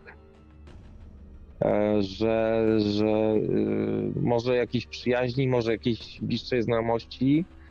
E, Chyba wcześniej nie, nie było to ważne dla niego. Mhm. Y, Takie mam wrażenie. I tutaj, tutaj był jakby przynajmniej w tej, w tej grupie był takim chyba największym outsiderem. Tak go zacząłem odbierać. A tutaj właśnie ta, ta, ta nawet ta krótka rozmowa y, w barze przy wódce, znaczy w barze, w restauracji e, spowodowała, że on właśnie poczuł się lepiej i chyba mu tego brakowało. Mhm. Także na pewno, na pewno potrzebuje czegoś takiego, co by go trochę ustabilizowało. Dobra, super. Jakiejś takiej zdrowej relacji. A pozostali panowie? Coś nowego o waszych postaciach? No ja ten mroczny se- sekret, no nie, który ofiarę przestępstwa. W sensie to, co odpaliłeś na końcu, to jest takie namacalne, czego się dowiedziałem nowego o sobie i tej relacji tam z Witkiem i tak dalej, co tam się działo, więc to jest następny rok. A poza tym to też zdanie sobie sprawy z tego, że się zawiązuje jakaś grupa z nas i chcemy wspólnie odkryć tą prawdę. Mm, To jest jakby taka myśl, bo do tej pory to było jedno popołudnie, te cztery poprzednie sesje, a w tej sesji faktycznie to spotkanie, ta rozmowa, to poukładanie sobie jakkolwiek tych rzeczy wspólnie, to była taka nowa rzecz, która no, która się zawiązuje, no nie? Taka grupa, która coś będzie tworzyła razem teraz i ma jakiś jeden cel wspólny. Jak najbardziej. No i w ogóle Krzysiek też się dowiedział, że właściwie Remek, poza tym, że tam jest dealer i tak dalej, czy już, już nie jest dealer, tak? Czy, czy, czy, no, Jest, na razie nie ma tego w napisie, to, ale tak, tak, tak, tak. w teorii się nie zwolnił. E, To, Rzucasz to, narkotyki, no, ja rzucam narkotyki. no to też jest, też jest, też jest, no potrafi być, e, potrafi być spoko, tak, że, że i za, zaopiekował się w pewnym sensie, może nie, nie tak bezpośrednio Krzyśkiem, ale, ale ogarnął sprawy e, te wszystkie, które jakby ciążyły na Krzyśku. Mhm. Jak najbardziej. Także to, to też to o Krzyśku się dowiedziałem. Znaczy o, o, o, o Remku. Remku. Mhm. A Dominik i Robert, coś nowego u was? Tak, no Dominik na pewno się dowiedział, że mimo, że zawsze miał złe relacje ze swoją rodziną, to jednak w obliczu potencjalnej straty ich, y, jednak mu na nich zależy i to bardzo. E, no i druga kwestia, że też y, dowiedział się, że umie kontaktować się, też, że ta komunikacja działa w dwie strony. Z, ty, z tym bytem jest właśnie powiązany y, w obu kierunkach od pudełkowego paktu. Nie miało e, sposobności, w sensie no, e, to nie wyszło, żeby skorzystać z tych e, możliwości, które miałeś w porzucie na swój atut związanego. I co my z tym zrobimy? Czy chciałbyś, żebyśmy przenieśli sobie to na następną sesję? Chyba wtedy wolałbym jeszcze raz rzucić nowy rzut, a z, to, z tych, które miałeś na dzisiaj, wziąć tylko jeden na przykład? Czy... Znaczy, według mechaniki wydaje mi się, że po prostu powinienem rzucić, nie? Dla mnie byłoby wygodne przeniesienie czegoś, ale to by, bardziej byłby twój ukłon w moją stronę, nie? Bo Ja- wydaje mi się, że tak jak ty holdów nie przenosisz na kolejną sesję, no nie? Mhm. Tak ja nie mogę atutu sobie prze, przechowywać. Ale dzisiaj udało mi się wydać co do jednego moje holdy z komplikacji. Wiesz co zrobimy? Zastanowię się nad tym, bo one, te możliwości tego twojego są trochę związane też z wiedzą, z informacjami, z jakimś Mhm. poczuciem. Możliwe na przykład, że jak zaczniemy sobie chodzić jeszcze po tym lesie następnej sesji, to jeszcze w ramach tego, tych trzech holdów, możliwości, których nie wykorzystałeś, będziesz mógł coś z tego wykorzystać. Pomy, po, pomyślimy o tym, ale pa, pamiętaj. Ja bym chciał tylko zapytać e, Mhm. w kontekście właśnie tych, tych zmodyfikowanych holdów, bo jeden tutaj tak sformalizowaliśmy, on może być zarówno pasywny, jak i aktywny. I chciałem się zapytać, czy on może działać pasywnie potencjalnie. Mam na myśli ten z lokalizowaniem, wyczuwaniem tych zbliżających się istot podległych temu bytowi. Czy to może też działać pasywnie? Na zasadzie, że ja nie mówię wprost, że wykorzystuję tego holda, ale mając Koło. na przykład te trzy, no nie? To wiadomo, że jednym z nich on będzie, więc możesz mnie sam jakby od siebie poinformować. Rozumiem, nie? rozumiem, że radar y, jest włączony, a nie aktywowany przez ciebie, tak? Tak może być. Pytanie, tak, czy jak, może- jak może najbardziej tak tak być. może być. Mhm. To dzisiaj się on nie, nie aktywował. Jasne. Panie doktorze, czy pan o, o panu coś nowego dowiedzieliśmy?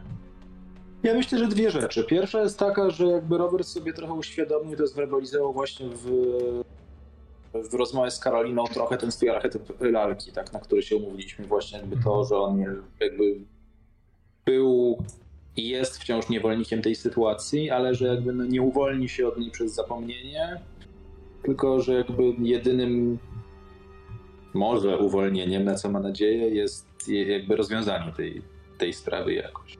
To jest jakby jedna rzecz. No a druga, no to no, trochę też to, co wyszło z tą osobą właśnie, no, trochę na, w kontekście takim, powiedziałbym prześmiewczo, mam tę moc. Tak? Mhm, W mhm. takim sensie, że jakby istnieje tu też coś, co my w tej całej sytuacji możemy zrobić.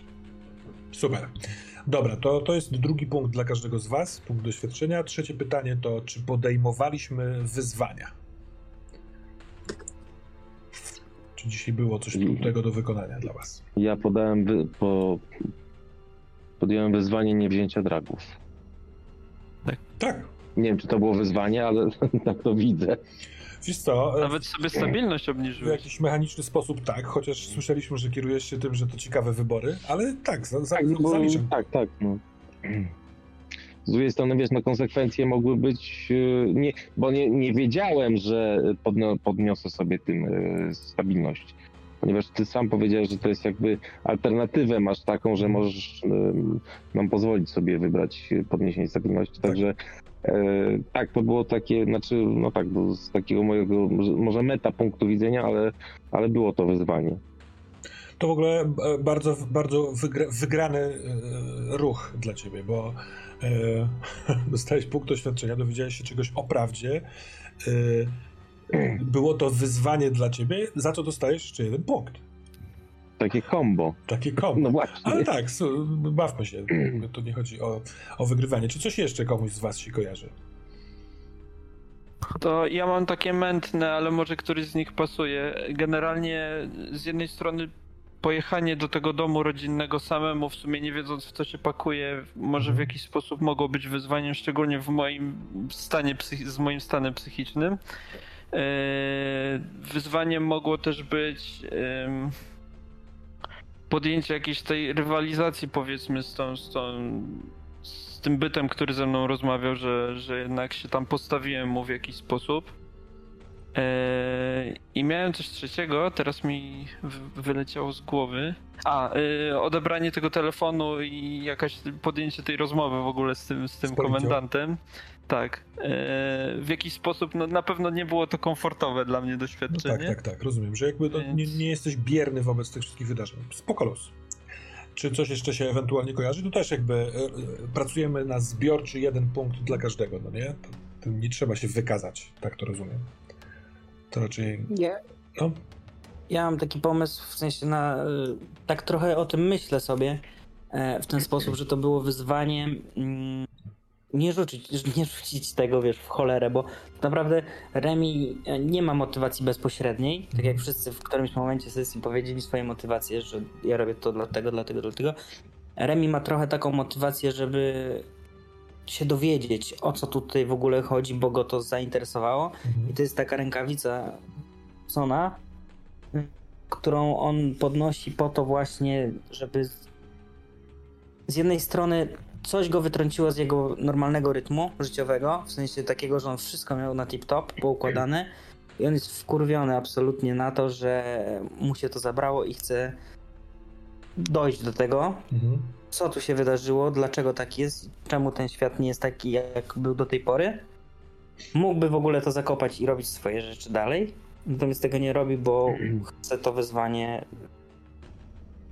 No, dla niego to jest takie, tak, roz- można powiedzieć, nie wyzwanie. Dobrze. No a jeszcze też myślę, że to w ogóle, że wzięliśmy i ruszyliśmy do tego lasu jest podjęciem rękawicy jakiegoś wyzwania, tak? Tak, Idziemy do jakiegoś, idziemy do jakiegoś gościa, który, który, który morduje sowy na odległość przez wyrwanie im gałek ocznych, tak? może guziczkiem jakimś aktywuje. Dobra, super, to też jest punkt dla was, więc na razie jesteśmy na trzech. Przyjrzyjmy się y, waszym zalążkom fabularnym. Y, Krzysiek, y, miałeś, powinieneś się skonfrontować z. Uważam, No że- nie było na razie takiej opcji. Mhm. E, Ja tylko powiem tak, że może nie tyle zbadać, ale szczerze mówiąc miałem nadzieję, że w tym śnie coś więcej się o tej krwi dowiem. Mhm. E, Tylko powiem tak, jak powiedziałeś, że ona jest taka śmierdzi, tak? To sobie pomyślałem, że człowiek we śnie. Bo my, miałem taką myśl, żeby się napić tej krwi. Mhm. Naprawdę, ale jak to powiedziałeś, to stwierdziłem, że Krzysiek y, po tym wszystkim, w tym, w tym koszmarnym śnie, raczej by tego jednak nie zrobił, bo, no bo, no bo w, w koszmarze, no, on nie wiedział, że to jest, dalej nie wiemy, tak, bo, to był sen, ale nie był sen, ale on to przyjmował, że to jest sen, no jednak w koszmarze staramy się jednak uciec od tego, co nas Mhm. przeraża i odraża niż ten, więc myślę, żeby to fajnie, znaczy, no bo by było trochę na siłę. To by było takie już. Yy, yy, tak, fajnie by było z tego spróbować, ale z drugiej strony stwierdziłem, że to już by było przegięcie. Ale no tak. Totalnie no to, kupuję, to- a z drugiej strony to, co mówisz, wydaje mi się całkiem fajnie, podwyższa stawkę tego. Na zasadzie, a co jeżeli następnym razem przyśni ci się ten sen i znowu będziesz miał taką, taki, taki wybór, to jeśli byś został przy tym zalążku, może trzeba przekroczyć te granice komfortu i to Mhm. zrobić, albo zrobić to jakoś inaczej. To trochę zależy od tego, jak mocno tę ciekawość e, dotyczącą krwi w Krzyśku będziesz, wiesz, chciał zachować. Ale na razie bym tego, jakby one Mhm. się nie zaliczyły. W takiej sytuacji, jeśli chcesz, to możesz z jednego albo z obu zrezygnować. To jest twoja sprawa, albo kontynuować poszukiwanie ich w następnej sesji. Nie, nie, ja myślę, że to jest w ogóle, ten wątek jest fajny i ja go to, to wiesz, no nie zawsze jest taka opcja, z drugiej strony mówię, starałem się jednak zachować jakąś, ale tak jak powiedziałeś, yy, być może, że ten sen czy podobny wróci, Mhm. oby nie, a może tak, bo z drugiej strony to, to by było ciekawe, tak.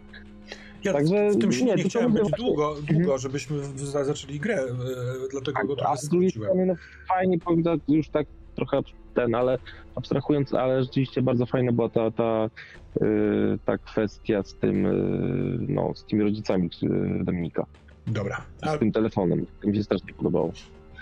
dobrze, na razie jeszcze dokończmy te zalążki. Panie Pazur, pan powinieneś się skonfrontować z Czarkiem. No tego nie było w ogóle. I odkryć, co się dzieje z krewnymi. I to jest tak połowicznie wydaje mi się, bo wiem mniej więcej co się dzieje z rodzicami. nie wiem w sumie w ogóle co się dzieje z bratem, no bo Mhm. wiem tylko tyle, że nie jest z rodzicami. E, Co może znaczyć, że dobrze, a może jest dużo gorzej, więc e, nie wiem właśnie jak w perspektywie tego zalążka to i teraz postrzegać, czy to jest zaliczone, czy nie jest. Wiesz co, wydaje mi się, że e, pełniejsze byłoby spróba zorientowania się e, na Mhm. temat lokalizacji przynajmniej. Albo rodziców, Tak. albo brata, a na razie tylko wiesz, że z rodzicami jest w miarę w porządku. Więc Mhm. chyba bym go nie zaliczył, w sensie nie, nie rozwiązał. I znów to pytanie do ciebie, czy zostawiasz sobie je, czy chcesz mieć jakieś nowe, e, wymyślone przez nas grupowo. Zastanów się, na razie nie odpowiadaj, Mhm. sprawdźmy co w zalążkach doktora Ostrowskiego. Powinieneś odkryć, kim jest postać wyglądająca jak twój brat. No jeszcze nie. I, idziemy w tym kierunku prawdopodobnie, Tak. Całkiem możliwe. ale jeszcze nie. A drugi to powinieneś powiedzieć bliskiej osobie o wypartych wspomnieniach. No to myślę, że się zadziało w rozmowie z Karoliną. Mhm. Dobra, super. I za to jest punkt dla ciebie. A Remi, powinieneś pogłębić relacje z Krzyśkiem. No myślę, że ta rozmowa w restauracji, no zresztą sam Krzysiek mówił, Tak. że to mu zrobiło, Tak, Trochę? na pewno. Mhm. więc to jest jakby to. Jak najbardziej. drugie to Za to jest punkt, a drugi to powinieneś skonfrontować się ze swą przeszłością. No i tutaj y, generalnie może by się coś zadziało, gdybyśmy nie skończyli, Mhm. w sensie w tym lesie, ale no na razie tylko odpaliłeś to wspomnienie. E, I teraz pe- pewnie, pe- No to- pewnie na początku następnej sesji się to To bardziej brzmi jak się spotkasz z Olkiem, tak? Na przykład. Chyba tak, więc nie wiem też, czy na początku sesji, w trochę w zależności od tego, co zrobimy z tym spacerem, mam pewien pomysł, żeby on też nie trwał zbyt długo i nie przejął nas. Yy, I teraz tak, w takim razie, mm, jeśli dobrze rachuję, to Remi, doktor Ostrowski macie po 4 punkty. Yy, Krzysiek masz też 4 punkty, bo ty jeden miałeś za tym e, uderzenie wzdruzgotanego. Naszym zadaniem będzie y, wszystkich oprócz ciebie, Zel, wymyślić dla doktora Roberta Ostrowskiego nowy zalążek oraz dla Remiego nowy zalążek też my pozostali. Proponuję, żebyśmy sobie dali z tym czas na, do następnej sesji. Rozmawiamy ze sobą na Discordzie, możemy się tam powymieniać pomysłami, a na następną sesję będziemy mieli gotowca. Dobra? Dobra. Dobra. To w takim wypadku dziękuję bardzo za sesję.